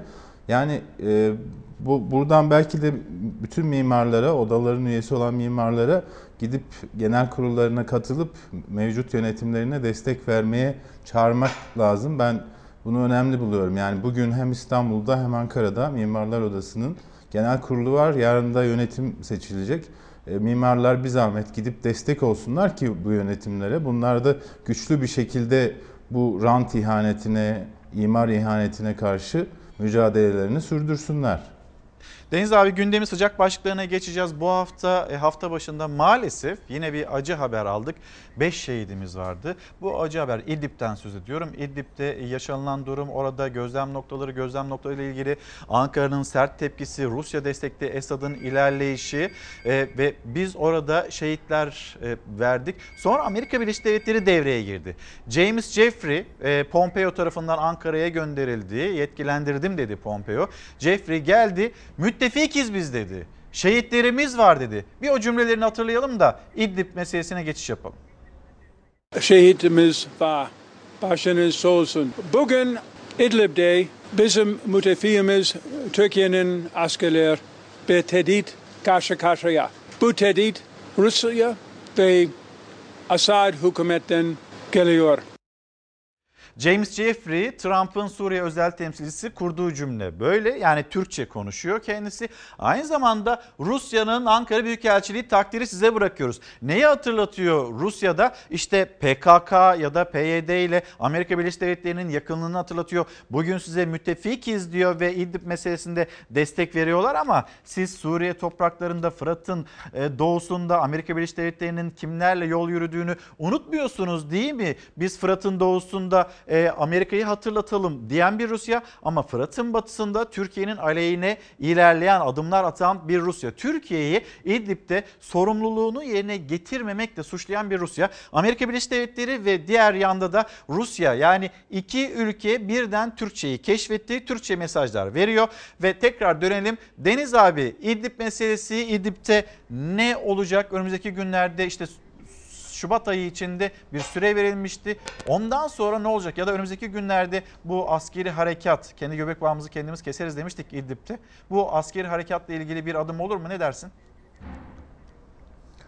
Ee, Bir kere önce bir Jim Jeffrey'e yanıt vermek istiyorum. İngilizce yanıt vereceğim. O Türkçe konuştuğu için. Good morning Jim. Good morning Washington. Ee, Yani geç kaldılar biraz bunu yapmak için. Ee, Zamanında yapsalardı anlamlı olurdu.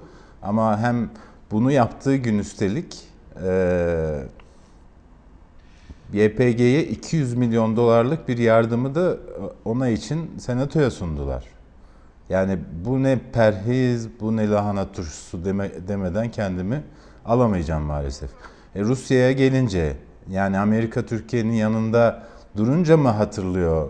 Yani şu anda e, silahlı kuvvetler mensuplarıyla sohbet edersen o bölgede görev yapan şunu söylüyorlar. Bize ihbar geliyor YPG bayrağı asıldı diye müdahale etmeye gidiyoruz. Bir bakıyoruz yanında Rus bayrağı, e, Suriye bayrağı, Rus askerleri başında o YPG bayraklarını koruyor. Yani al birini vur ötekine e, durumu yaşıyoruz. O zaman Ee, burada de e, Türkiye'nin su- atılması gereken adım ya da yapılması gerekenle ilgili bir yol haritasının çıkartılması gerekiyor. Diplomatlarımıza, Dışişleri Bakanlığı'na, Türkiye Cumhuriyeti'ne önemli bir görev düşüyor. Ne yapılması gerekiyor? E, Valla benim şeyim şu, e, bizim sınır güvenliğimizi, ülkemizin güvenliğini sağlamak e, boynumuzun borcu. TSK bunun için elinden geleni yapıyor.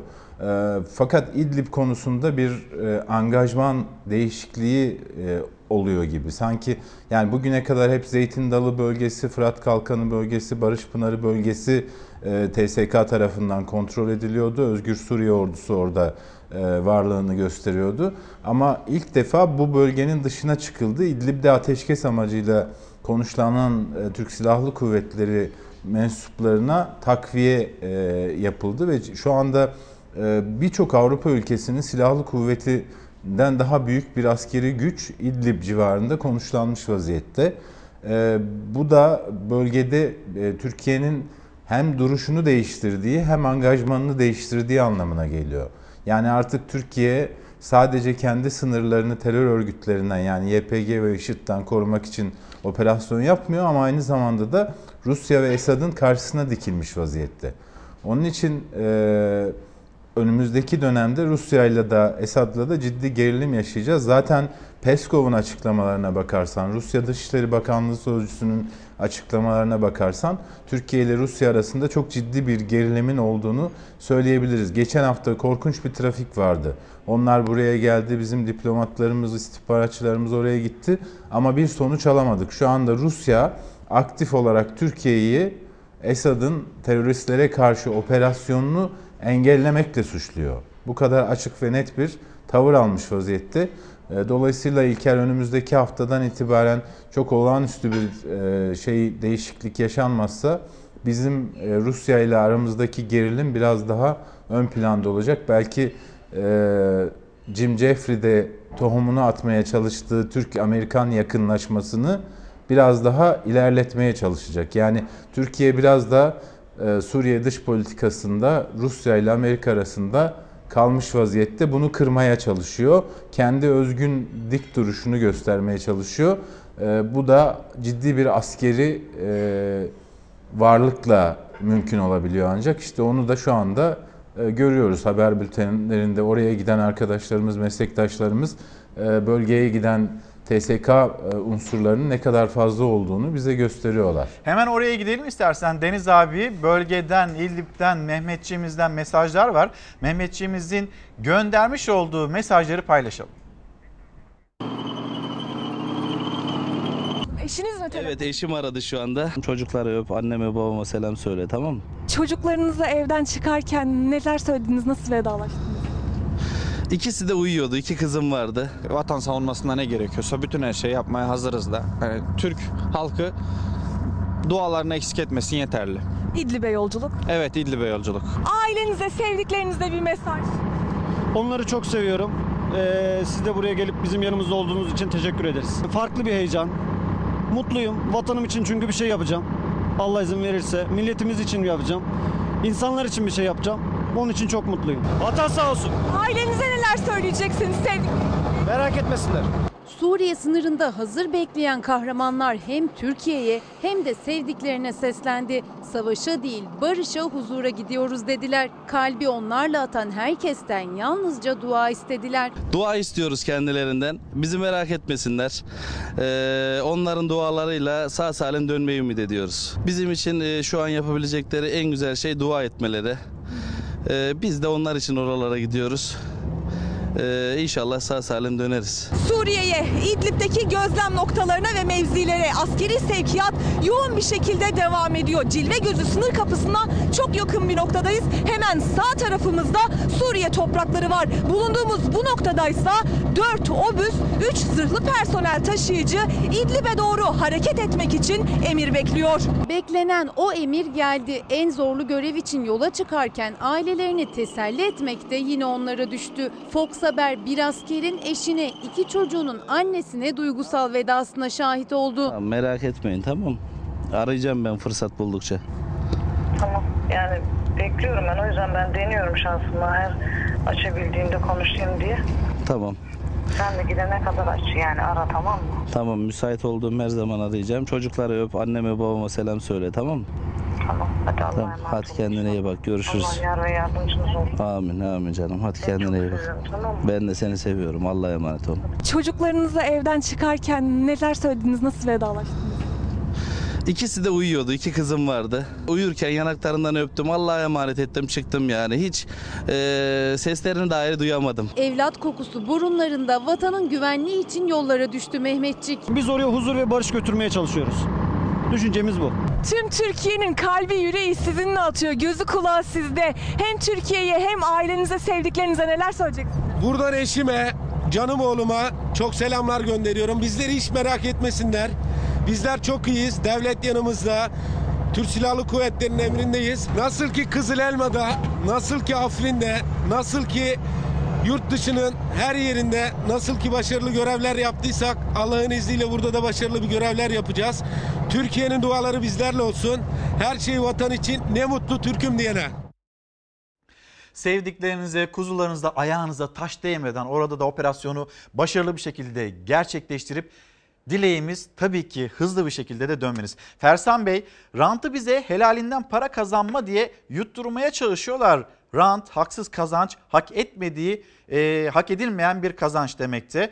Ahmet Özsezer ah acaba Türkçe'de İngilizce gibi beynelmilal uluslararası bir dil mi olacak? Yuppi diyor. Hem Rusya'nın hem de Amerika Birleşik Devletleri'nin Türkçeyi keşfetmesi mesajlarını Türkçe vermesi üzerine gönderdiği mesaj. Zahide Hanım günaydınlarımızı iletelim Nabi Bey de Jeffrey PYD, YPG ve tırlar dolusu onları gönderdikleri silahlar onları hatırlasınlar. Biz bunları unutmadık. İşte az önce e, hafta içinde haberlerimizi izlediniz. Az önce Deniz Zeyrek kendisi de hatırlattı. Siz hala bu bölgede Fırat'ın doğusunda terör örgütünü desteklemeye devam ediyorsunuz.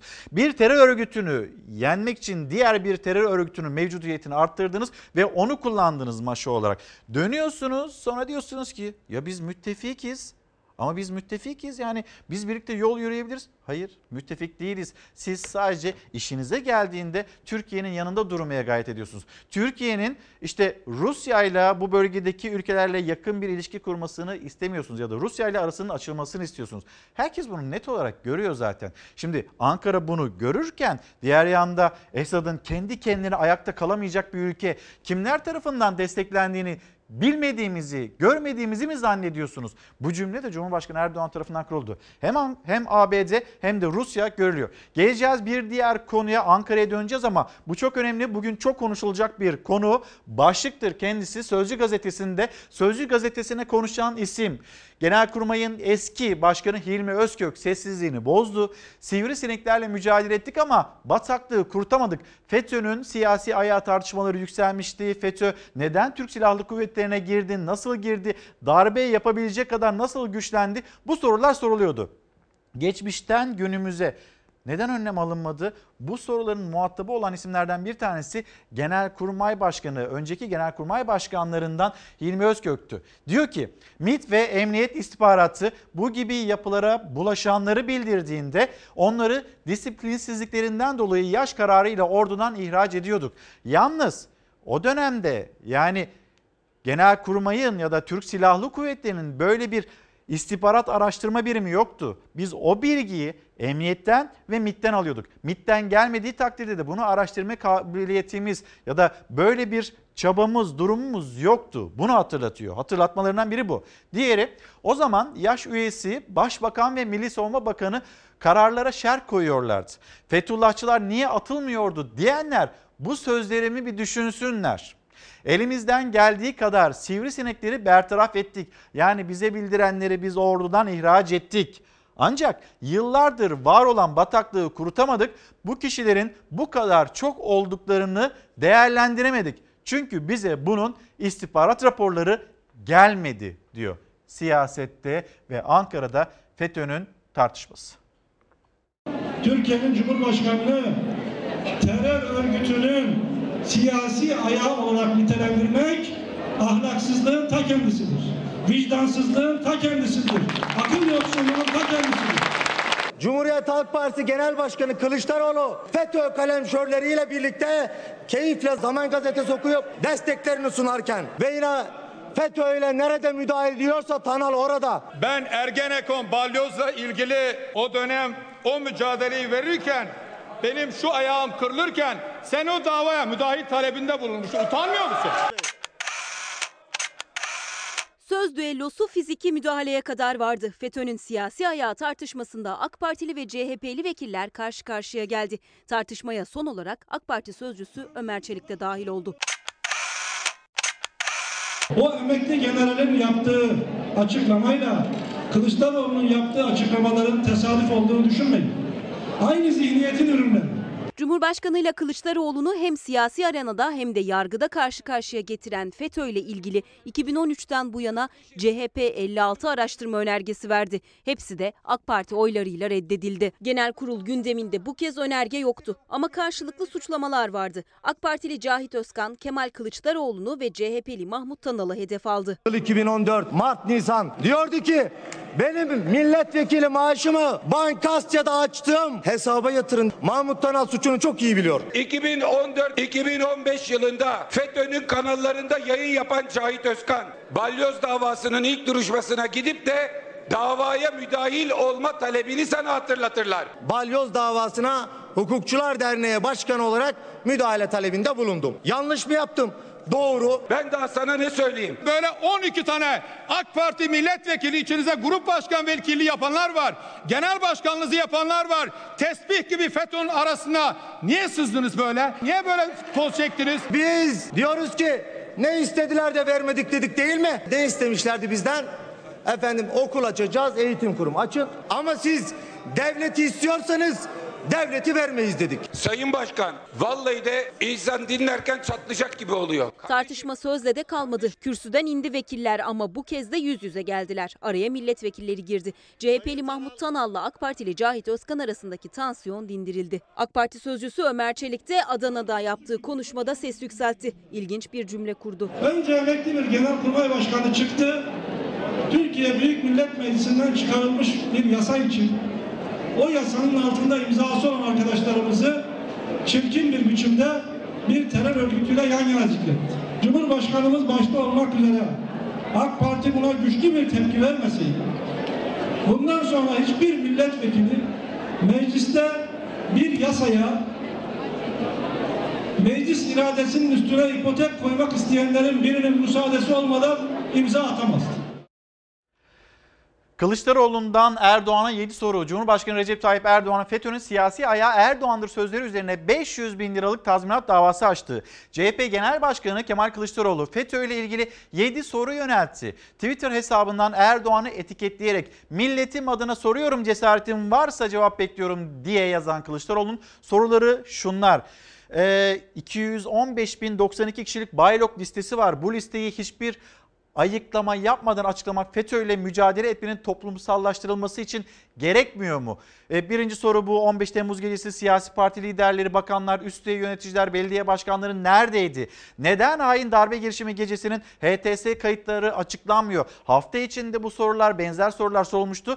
Dün akşam saatlerinde de yine bu soruları yaklaşık 7 soruyu yaklaşık değil 7 soruyu Erdoğan'a yöneltti. CHP lideri gün içinde konuşulacak konulardan bir tanesi. Özgürk'ün açıklamaları yine çok çok konuşulacak. Gelelim biz tekrar Ankara'ya dönelim. E, Deniz Zeyre'ye soracağız. Cahit Özkan AK Parti Grup Başkan Vekilinin yaptığı açıklama ne istediğinizde vermedik derken hani devleti istediler devleti de vermedik diyor Grup Başkan Vekili. Daha ne kalmış ki yani 15 Temmuz'u yapacak cesareti bulacak kadar devlete sızmışlar. Ya geçen e, şöyle bir şey hatırlıyorum İlker. Hava kuvvetlerinde biliyorsun darbe girişiminin e, üssü Akıncı Üssü olmuştu. Evet. Akıncı Üssü'nün bir komutanı vardı.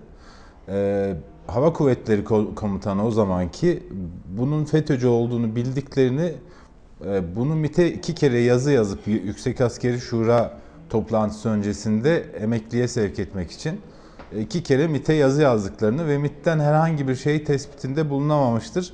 Yanıtını aldıklarını anlatmıştı. Sonra diyor kendi istihbarat karşı koyma birimimizden bir ekip gönderdik memleketine. Sokakta kime sorsalar ya çok o bütün aile FETÖ'cüdür yanıtını aldık demişti. Ya böyle de bir durum vardı. Hani devleti teslim etmedik ama e, Hilmi Özkök de diyor ya MİT'ten ve emniyetten e, yazı gelmedikçe yapabilecek bir şey yoktu. MİT'ten ve emniyetten de yazı gelmiyordu çünkü MİT'te ve emniyette de onlar vardı. Yani sadece yurt binaları şunlar bunlar verilmedi. Devletin kritik makamları da verildi. Beyefendi o konuda yanılıyor. Yani sadece okul vesaire falan verilseydi bu kadar devletin başına bela olmazlardı. Ama ben şunu da e, söylemek istiyorum. Yaklaşımları çok yanlış siyasi partilerin. Yani bu meseleyi FETÖ'yle mücadele meselesini birbirlerine karşı koz olarak kullanmanın ötesine geçemiyorlar. Yani Kılıçdaroğlu haklı. Ee, Başbuğ da haklı. Yani bir dönem e, maalesef aynı menzile giden iki farklı yolla aynı menzile giden iki hareketti AK Parti ile e, Gülen cemaati. Sonra Gülen cemaati AK Parti'yi yok etmeye kalkışınca AK Parti gereğini yaptı ama belli bir tarihten sonra da CHP düşmanımın düşmanı dostumdur yaklaşımıyla e, FETÖ'nün yaptığı bir takım icraatlarda e, destek oldu. Yani işte Zaman Gazetesi'nin, Bankasya'nın başına gelenlerde o biraz önceki tartışmada da fotoğraflarda gördük. Yani geçmişte bu kadar bu harekete karşı çıkıp hükümeti bu kadar çok uyaran bir partinin yani CHP'nin e, bu 17-25 Aralık'tan sonra da o tavrını sürdürmesi beklenirdi.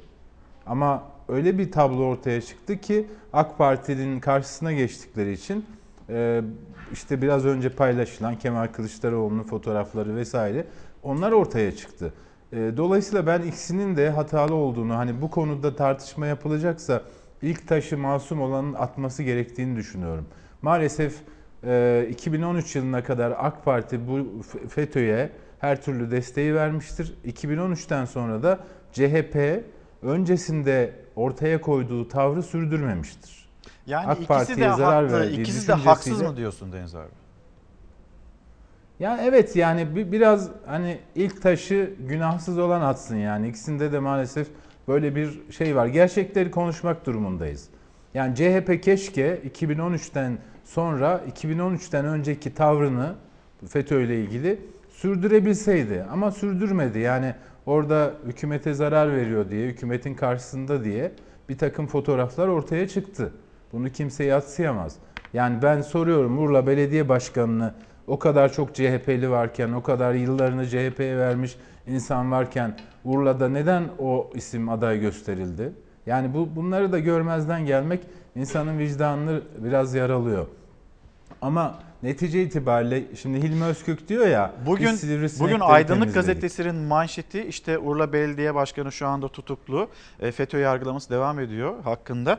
Yani Aydınlık Gazetesi'nin manşetinde de bu isim yer almakta ve o davada bir tane bile CHP'den ismin olmadığı ya da üst düzey yöneticinin olmadığı söylenmekte gazetede. Evet yani e, bu, adam nasıl aday oldu ya gerçekten ben merak ediyorum. Yani o kadar çok yıllarını CHP'ye vermiş insan varken kim getirdi, kim referans oldu, Kılıçdaroğlu'nu kim ikna etti vesaire. Yani aklımızda bir sürü böyle soru peydahlanıyor. Yani bunların hepsinin konuşulmasında fayda var ama siyasi ayak bu değil. Siyasi ayak gerçekten e, ben Bahçeli gibi düşünüyorum. 15 Temmuz başarılı olsaydı e, kim hükümet kuracaktı, kimlerle e, konuşmuşlardı, kimleri hazırlamışlardı. Biraz o, onun ötesinde evet herkes hata yaptı. Hilmi Özkök diyor ya sivrisinekleri e, temizleyecektik diye, temizledik diye. temizledik ama E, bataklığı Doğru değil. kurutamadık. Mesela Reha Taşkesen meselesi var. E, Kara Harp Okulu Komutanı. Hulusi Akar'dan sonra Reha Taşkesen Kara Harp Okulu Komutanı oldu. Hulusi Akar Genelkurmay Başkanı oldu. E, Re- Reha Taşkesen de e, Genelkurmay Başkanı olacaktı. Ama neden olamadı? Kara Harp Okulu'ndaki FETÖ'cü yapılanmayı tespit etti. Onların üstüne gitmeye başladı.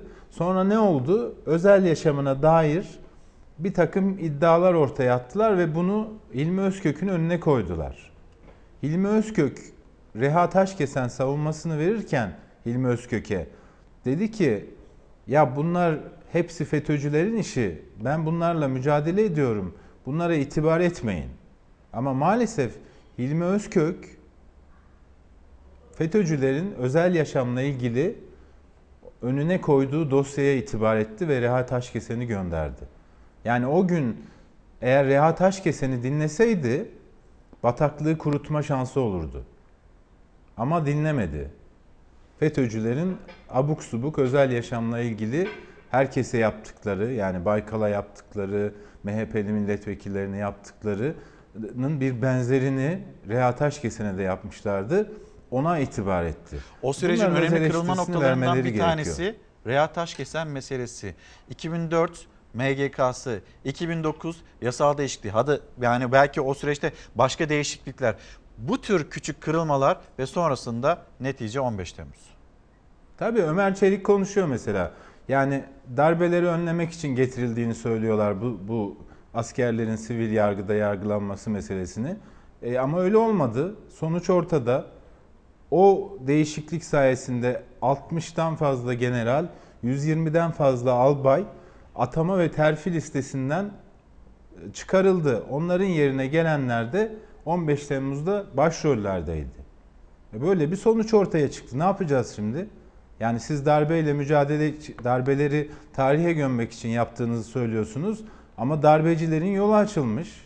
Ya bu da bir gerçek. Bunu da kabul edin. Yani bunları insanlar konuşmasın mı? Başbuğu niye linç ediyorsunuz ki? Başbuğ 26 ay sırf FETÖ'yle 2008'de göreve geldi. FETÖ'yle mücadele edeceğini söyledi. 2009'dan itibaren başına gelmedik kalmadı. Cezaevine atıldı terör örgütü, silahlı terör örgütü lideri diye siyasi irade izledi. Şimdi kalkmışlar başbuğu linç ediyorlar. Kimse kimsenin buna hakkı yok. 20 26 ay cezaevinde yatarak Genelkurmay Başkanı olarak bedel ödedi. Yani biraz elimizi vicdanımıza koyalım. Doğrunun yanında duralım. Siyasetçiler kendilerini her zaman her şekilde kurtarabiliyor zaten. Bu tür konuları kendilerini birbirlerine karşı kullanıyorlar ama işin aslı öyle değil. İşin aslı çok geride kalmadı. Şurada 10 sene falan yani hepimizin dimağı açık, belleği açık gayet iyi hatırlıyoruz. Şimdi e, Deniz abi bir e, profesör ama aynı zamanda e, anayasa hukukçusu, siyasetçi, siyasetçiler her zaman kendilerini kurtarabiliyorlar diyorsun. Burhan Kuzu, Cumhurbaşkanlığı Hukuk Politikaları e, Kurulu'nda yer alan bir isim. E, bir e, uyuşturucu kaçakçısı, zindaş değil ve bunun tahliyesiyle ilgili devreye girip girmediği ile ilgili bir e, devreye girdiği söyleniyor. Doğru mu değil mi? Siz görüşmeye çalıştığınız Burhan Kuzu'yla konuştunuz mu? Bir haber izleyelim. Dönüşte hemen kısacık bunu da alayım.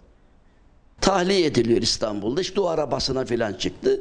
Ve işte birileri tahliyede benim sanki dahlim varmış gibi. İranlı uyuşturucu kaçakçısı Zindaşti'nin tahliye edilmesi için hakim ve savcılara baskı yaptığı iddia edilen Cumhurbaşkanlığı Hukuk Politikaları Kurulu üyesi Burhan Kuzu hakkında yargı harekete geçti. İstanbul Cumhuriyet Başsavcılığı inceleme başlattı. Hakimler diyor ki hakimler bize huzur vermedi. Devamlı bize baskı yaptı. Hiçbir hakimi arayıp baskı kurmadım. Ortada bir mahkeme kararı mı var? Yargısız infaz yapmayın. Cumhurbaşkanlığı Hukuk Politikaları Kurulu üyesi Burhan Kuzu muhalefete yanıt veriyor ama Zindaşti'nin serbest kalması için baskı yaptığı iddiası Hakimler ve Savcılar Kurulu'nun soruşturma belgelerinde yazıyor.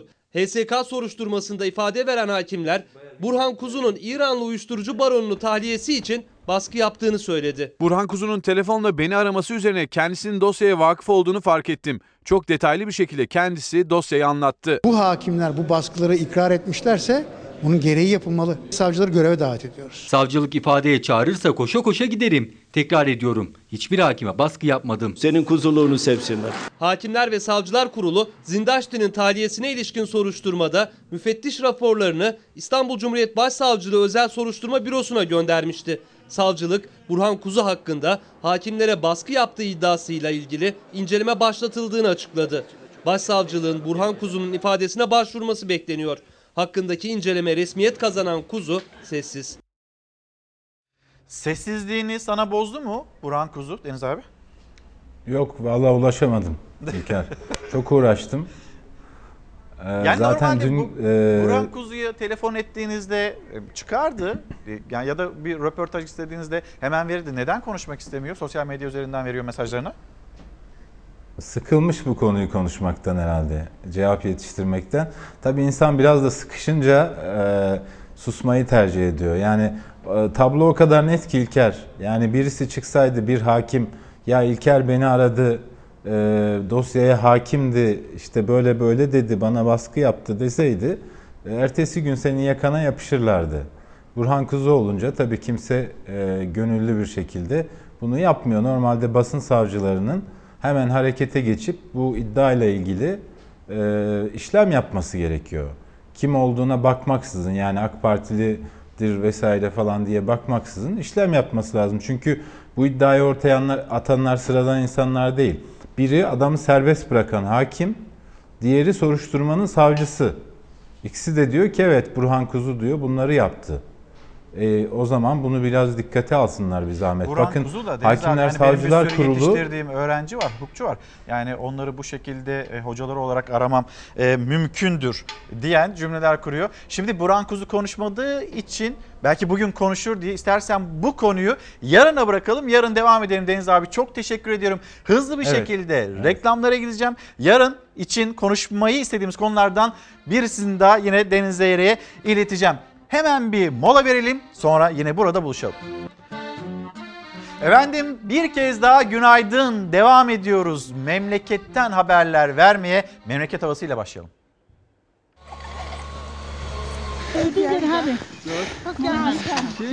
İnşallah Allah'ın izniyle birazdan alacağız sizi olur mu? Batı yağmura, doğu kara teslim. Hafta sonuna girerken yurdun doğu illerinden karla mücadele haberleri gelmeye devam ediyor.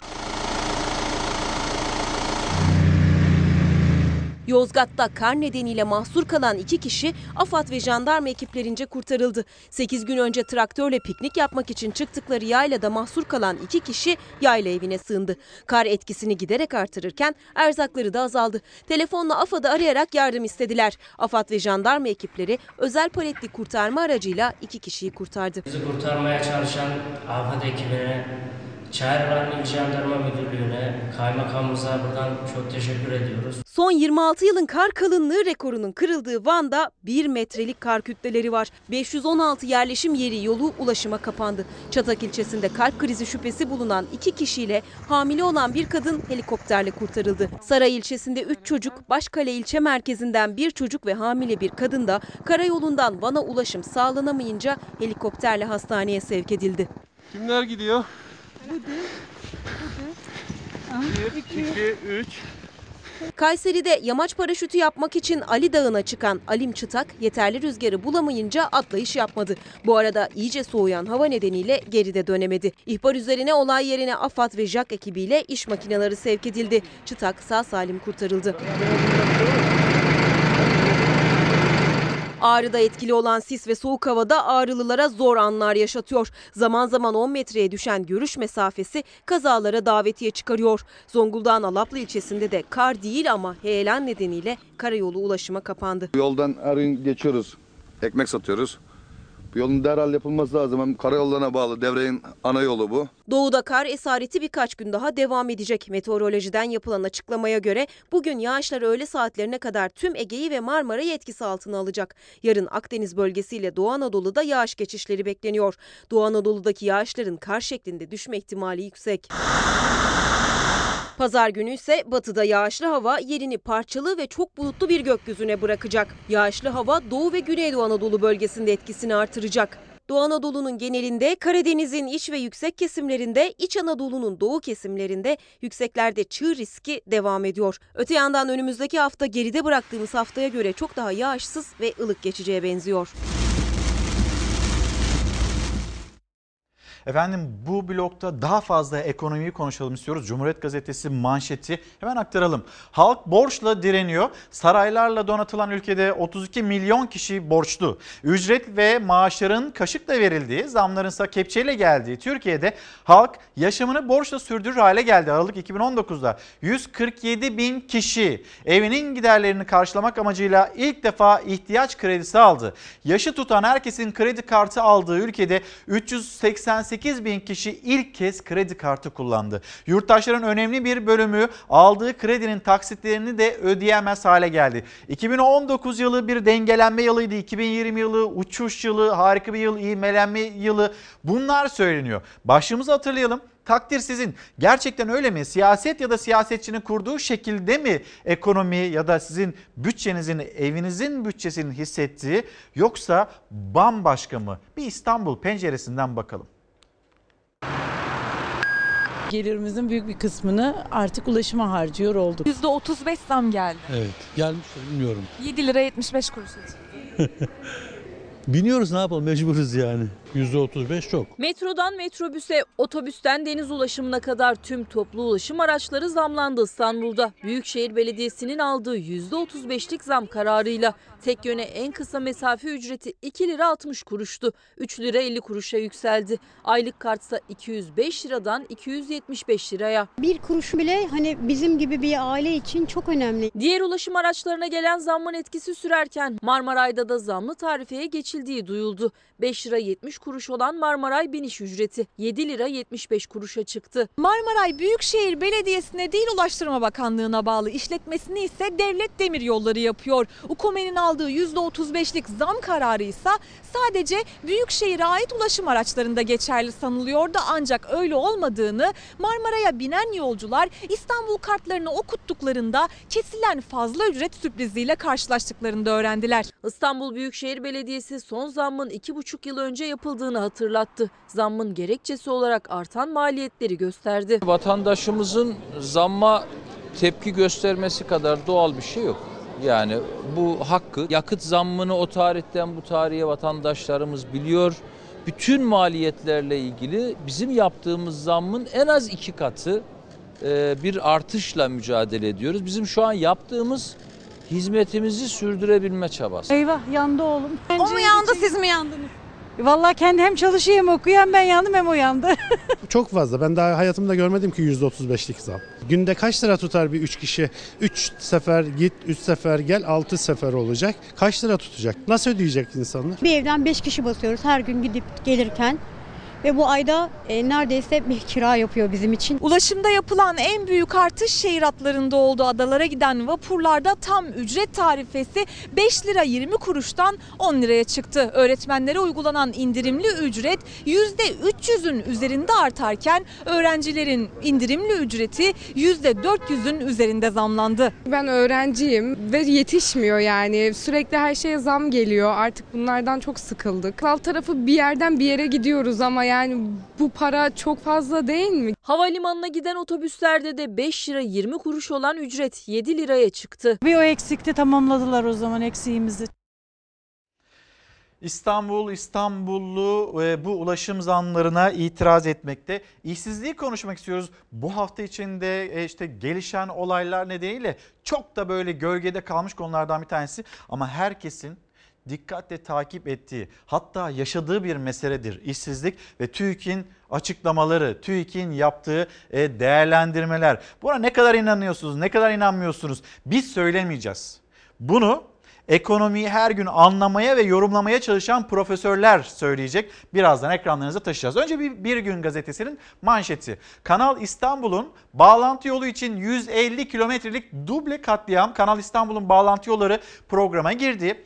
150 kilometrelik duble yol için binlerce ağaç kesilip 7.8 milyar lira ödeneceğinin bilgisini paylaşıyor Bir Gün Gazetesi. Yaptım ama bir sor niye yaptım Bir Gün Gazetesi'nden seçtiğimiz diğer haber.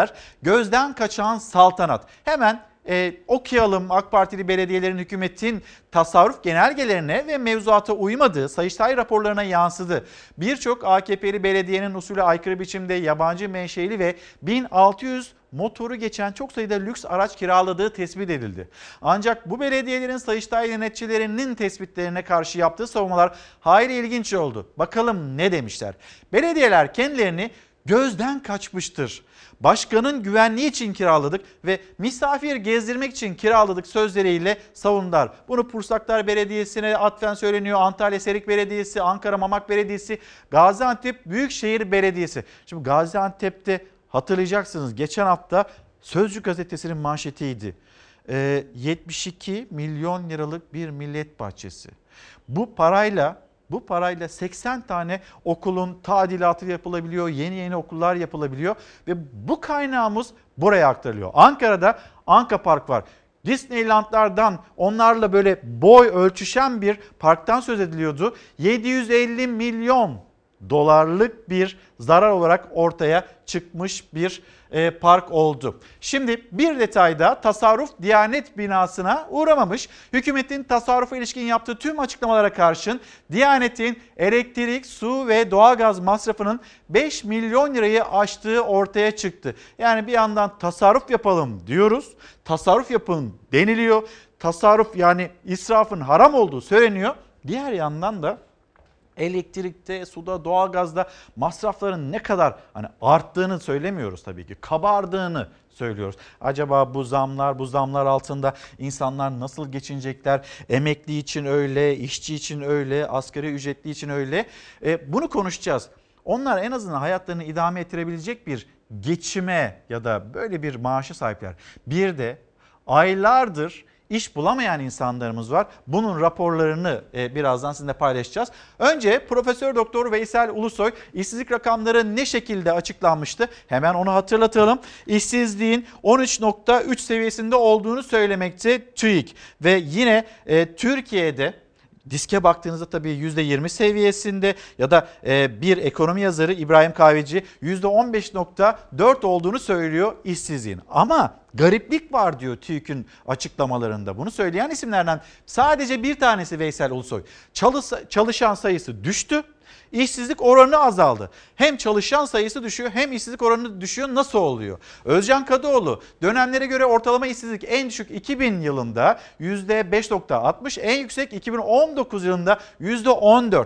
2019 Kasım ayında %13.3 olarak belirleniyor. 80-2002 döneminde ortalama işsizlik sabit kalırken 2003'ten itibaren sürekli bir artış söz konusu. 2003'ten günümüze kadar sürekli işsizliğin arttığını da dönemlere göre işsizlik tablosuyla Özcan Kadıoğlu bizlere göstermekte. Şimdi Özcan e, Ozan Gündoğdu Bir Gün Gazetesi ekonomi e, editörü son iki ayda daha önce iş arayan 337 bin kişi ev işleriyle meşgul, 132 bin kişi emekli, 371 bin kişi öğrenci, 85 bin kişi ümitsiz olduğu için iş aramayı bıraktı. Siz ölçüyorsunuz hani işsizlik rakamlarını ama iş aramayı bırakanlar onları ölçmüyorsunuz. Şimdi böyle bir tablo var demekte Ozan Gündoğdu ve Yalçın Karatepe. Daha az çalışanla işsizliği düşüren bir modelimiz var. Ekim 2019 istihdam 28.343 bin. Kasım 2019 istihdam 28.169 bin.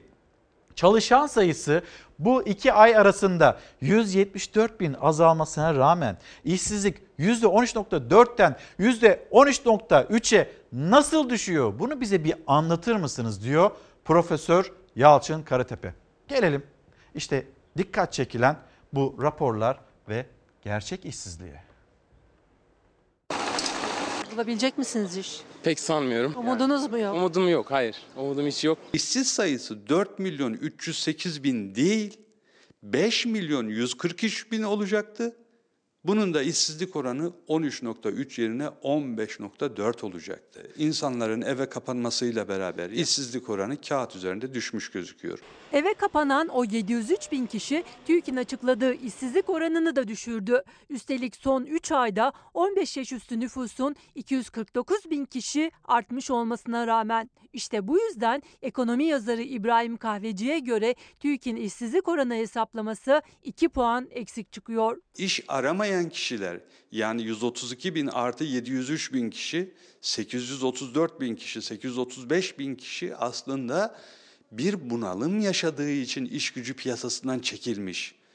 Bu daha büyük tehlike. TÜİK'e göre işsizlik oranı 2019 yılının Kasım ayında bir önceki ay olan Ekim'e göre 0,1 puan azaldı. Kahveciye göre bu düşüş ekonomik büyümeye bağlı bir düşüş değil. İnsanlar iş arama umutlarını kaybetmişler. O bile olmadığı için işsizlik oranı kağıt üzerinde düşüyor. Yoksa gerçekte bir düşüş yok. Ne kadar zamandır iş arıyorsunuz? İki senedir arıyorum iş. Bir yıl oldu. Evet bir yıl. Yok mu iş? İş yok. Yani iş hiçbir yerde yok. TÜİK'e göre 4 milyon 308 bin kişi iş arıyor ama bulamıyor. Bunların %27'si yani 1 milyon 160 bine bir yıla aşkın süredir iş arıyor. Uzmanlara göre bu oran tarihi bir rekor. Türkiye 80 yılı sonrası çünkü işsizlikle ilgili sağlam veriler 80 yılı sonrasına ait. O dönemden sonra yaşamış olduğu en yüksek işsizlik olduğunu defalarca işledim. CHP Parti Sözcüsü Faik Öztrak da TÜİK'in işsizlik verilerinin gerçeği yansıtmadığını savundu. TÜİK'in ürettiği rakamlar kabak tadı vermeye başladı. Bu nedenle önümüzdeki günlerde TÜİK Başkanı hakkında kamu denetçisine başvuracağız. TÜİK bunu anket usulüyle belirliyor. İnsanların bir anda son 3 ayda 835 bin kişinin iş gücü piyasasından çıkması ne kadar doğrudur derseniz, bir anda umutsuzluk bu kadar yükseğe mi çıktı derseniz tabii ki soru işaretleri oluşur. Siyaset pek çok konuyu konuşuyor. Bu aralar en revaçta olan başlık FETÖ'nün siyasi ayağı ama İyi Parti lideri bu konulara da girerken daha fazla ön planda tuttuğu konu ekonomi. Zaten Antalya'daydı, İzmir'deydi. Devam ediyor sahadaki e, incelemelerine. Sahada görüşmelerini tamamlıyor. Sonrasında da mecliste e, kürsüdeki konuşmasına taşıyor. Ve bakın Akşener sokağa çıktığında vatandaştan hangi sözleri işitiyor? Çiftçilik yapıyor musunuz? Yapıyorum. Bizler burada perişanız. Niye perişanız? Bugün akaryakıt aldı başını gidiyor. İyi Parti lideri Meral Akşener sokağa indi. Esnafı, çiftçiyi, gençleri dinledi. Bir soru sordu, bin ah işitti. Meyve üreticisi bir çiftçi perişanız diye başladı söze. Nedenlerini de anlattı. Tarım ilacı, gübre aldı başını gidiyor. Geçen yıl aşağı yukarı yüzde 40 gibi ana paradan zarar etti. Bunu değiştirmek elimizde. Seçimde oy kullanmaktan bahsetmiyorum. Şunu kırmak zorundayız. Siyasetçiliği gelip ayağınıza sizi e, dertlerinizi dinlemeye zorlayacaksınız. Akşener büyük şehirleri geziyor. Ekonomik tabloyu sahada gözlemliyor. Antalya ve İzmir'den sonra da bu kez Bursa'daydı. Ekonomik problemlerimiz var, fakirleşme var. Doğalgaz, elektrik faturaları ortak bir problem. Gelir düzeyinin düşmesi, alışverişi kestiği için, azalttığı için ortak bir problem. Elektrik ne kadar geldi? 550 lira. Ha, 550. Geçen sene bu zaman kaç geliyordu? 380. Bugün siftah yaptınız mı? Yok, yapmadım. Abi. Allah büyüktür. Diyeceğimiz bir kelime yok. Hiç iktidar partisinden seçimden sonra buraya gelen oldu mu? Aa. Bana bak şimdi bütün ağlar gelecek benden sonra. Artan faturalara, düşen alım gücüne dikkat çekti. Ekonomik kriz var, fakirleşiyoruz dedi. İşsizliğin altını özellikle çizdi. İşsizlik had safhada. Ücretli öğretmen olarak 900 TL'nin üstünde tatillerde ücret ödenmediği için hiç maaş almadık. Ben Ege Üniversitesi'ni 11 bin sıralamayla kazandım. Vatandaşın sıkıntılarını not etti Akşener. O notları salı günü grup konuşmasında kullanacak. İktidarı sahada gördükleri ve duydukları üzerinden uyaracak.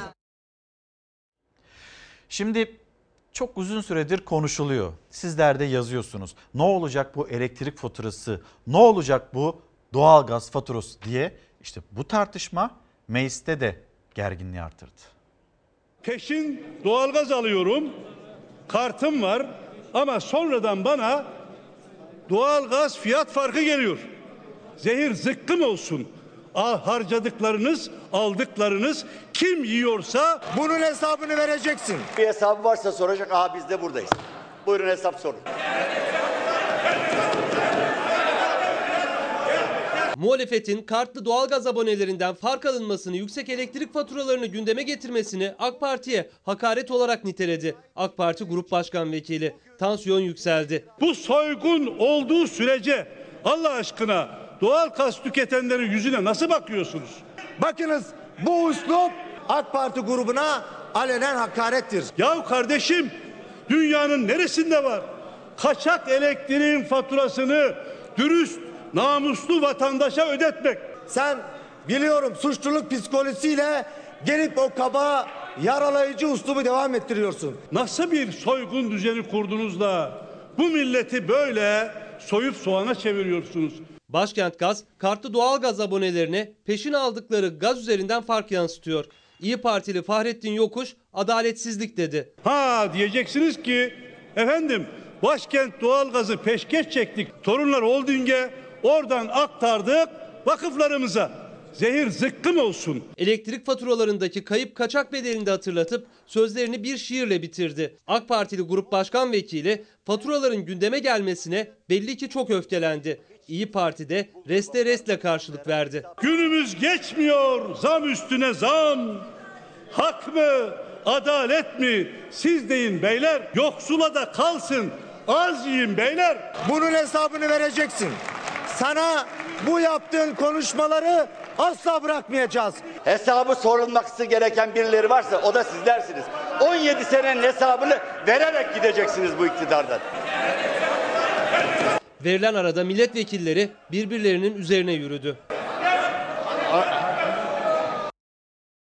Önemli bir konu çiftçimizi ilgilendiren, esnafımızı ilgilendiren haberleri geçiş yapacağız ama 5 Şubat günü İzmir İstanbul seferini yapan bir uçak ve Sabiha e, Gökçen Havalimanı'nda pistten çıktı. 3 kişi yaşamını yitirdi. Toprak alana düştü. 3 parçaya ayrıldı. 180 kişi yaralandı. Bununla ilgili şüpheli sıfatıyla yardımcı pilot konuştu.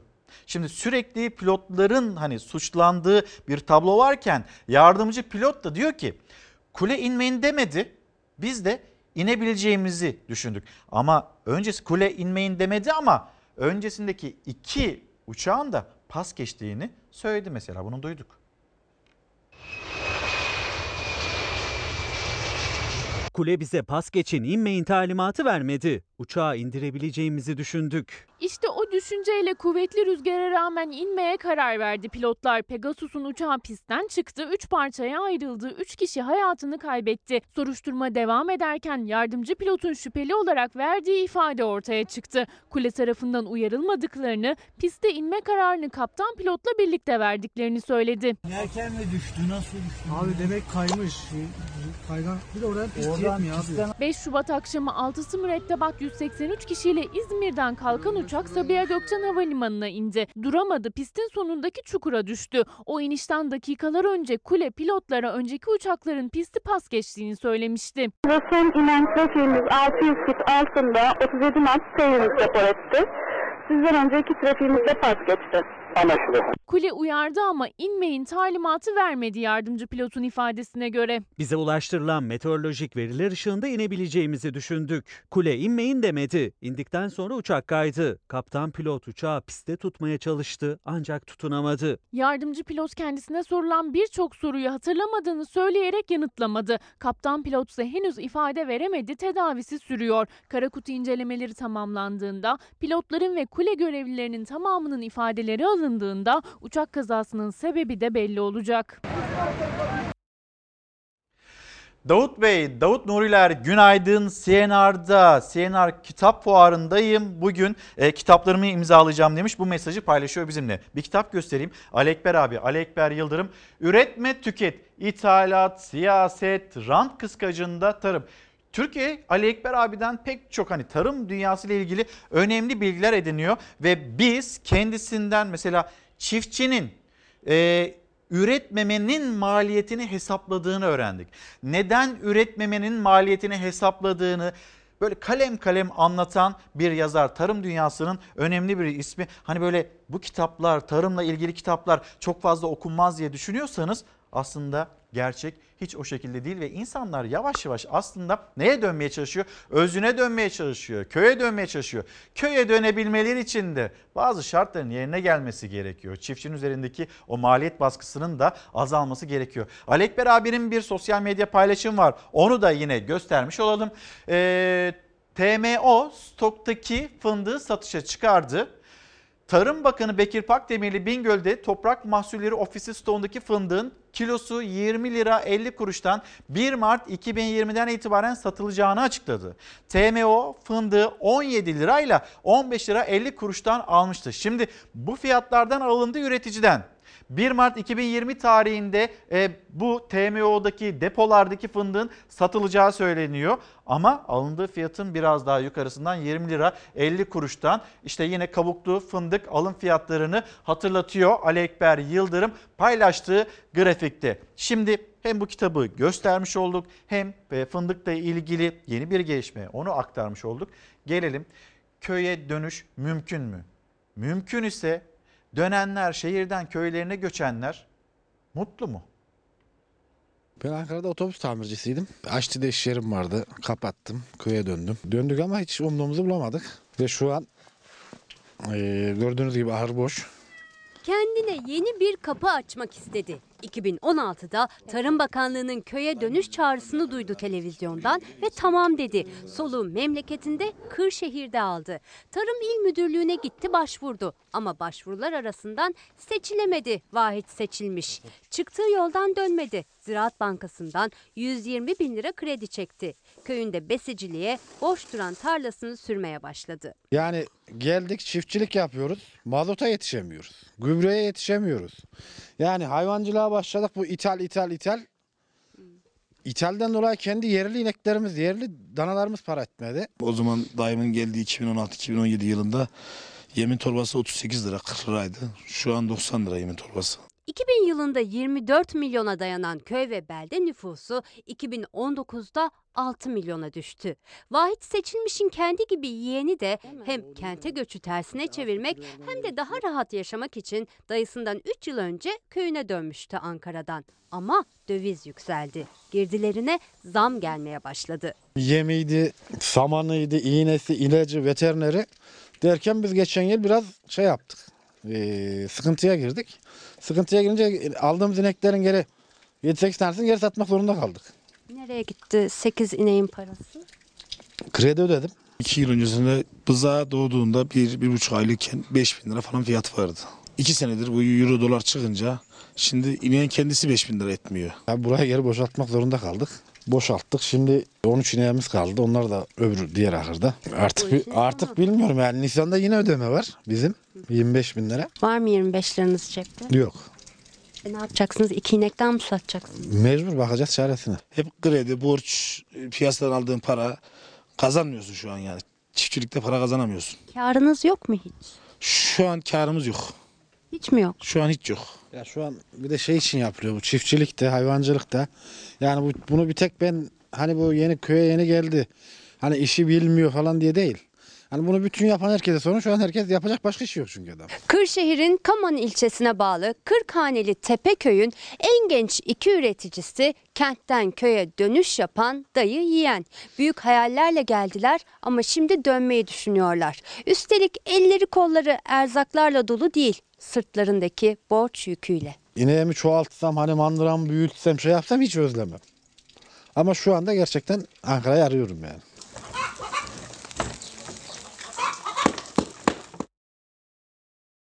Efendim şampiyonlarımız var. Onları tebrik etmek istiyoruz. Günde yarım saat veya bir saat matematik soruları çözüyorum. Uluslararası matematik yarışmasında o ve onun gibi 17 çocuk daha birinci oldu. Aileleri, öğretmenleri ve tüm Türkiye matematik dahisi çocukların başarısıyla gurur duydu. Matematiği seviyor, yabancı dilleri seviyor, araştırarak kendisi de bir şeyler öğrenmeye çalışıyor. İzmir Kemalpaşa'da yaşayan 10 yaşındaki ilkokul öğrencisi Elanur Akıncı ile duyuldu Uluslararası Karibu Matematik Yarışması. Geçen yıl Türkiye'nin hiç birincilik çıkaramadığı yarışmada bu yıl başarı haberleri üst üste geldi. Farklı sınıf ve seviyedeki 17 çocuk yarışmada birinci oldu. Güzel bir duygu. Çok şaşırdım ama.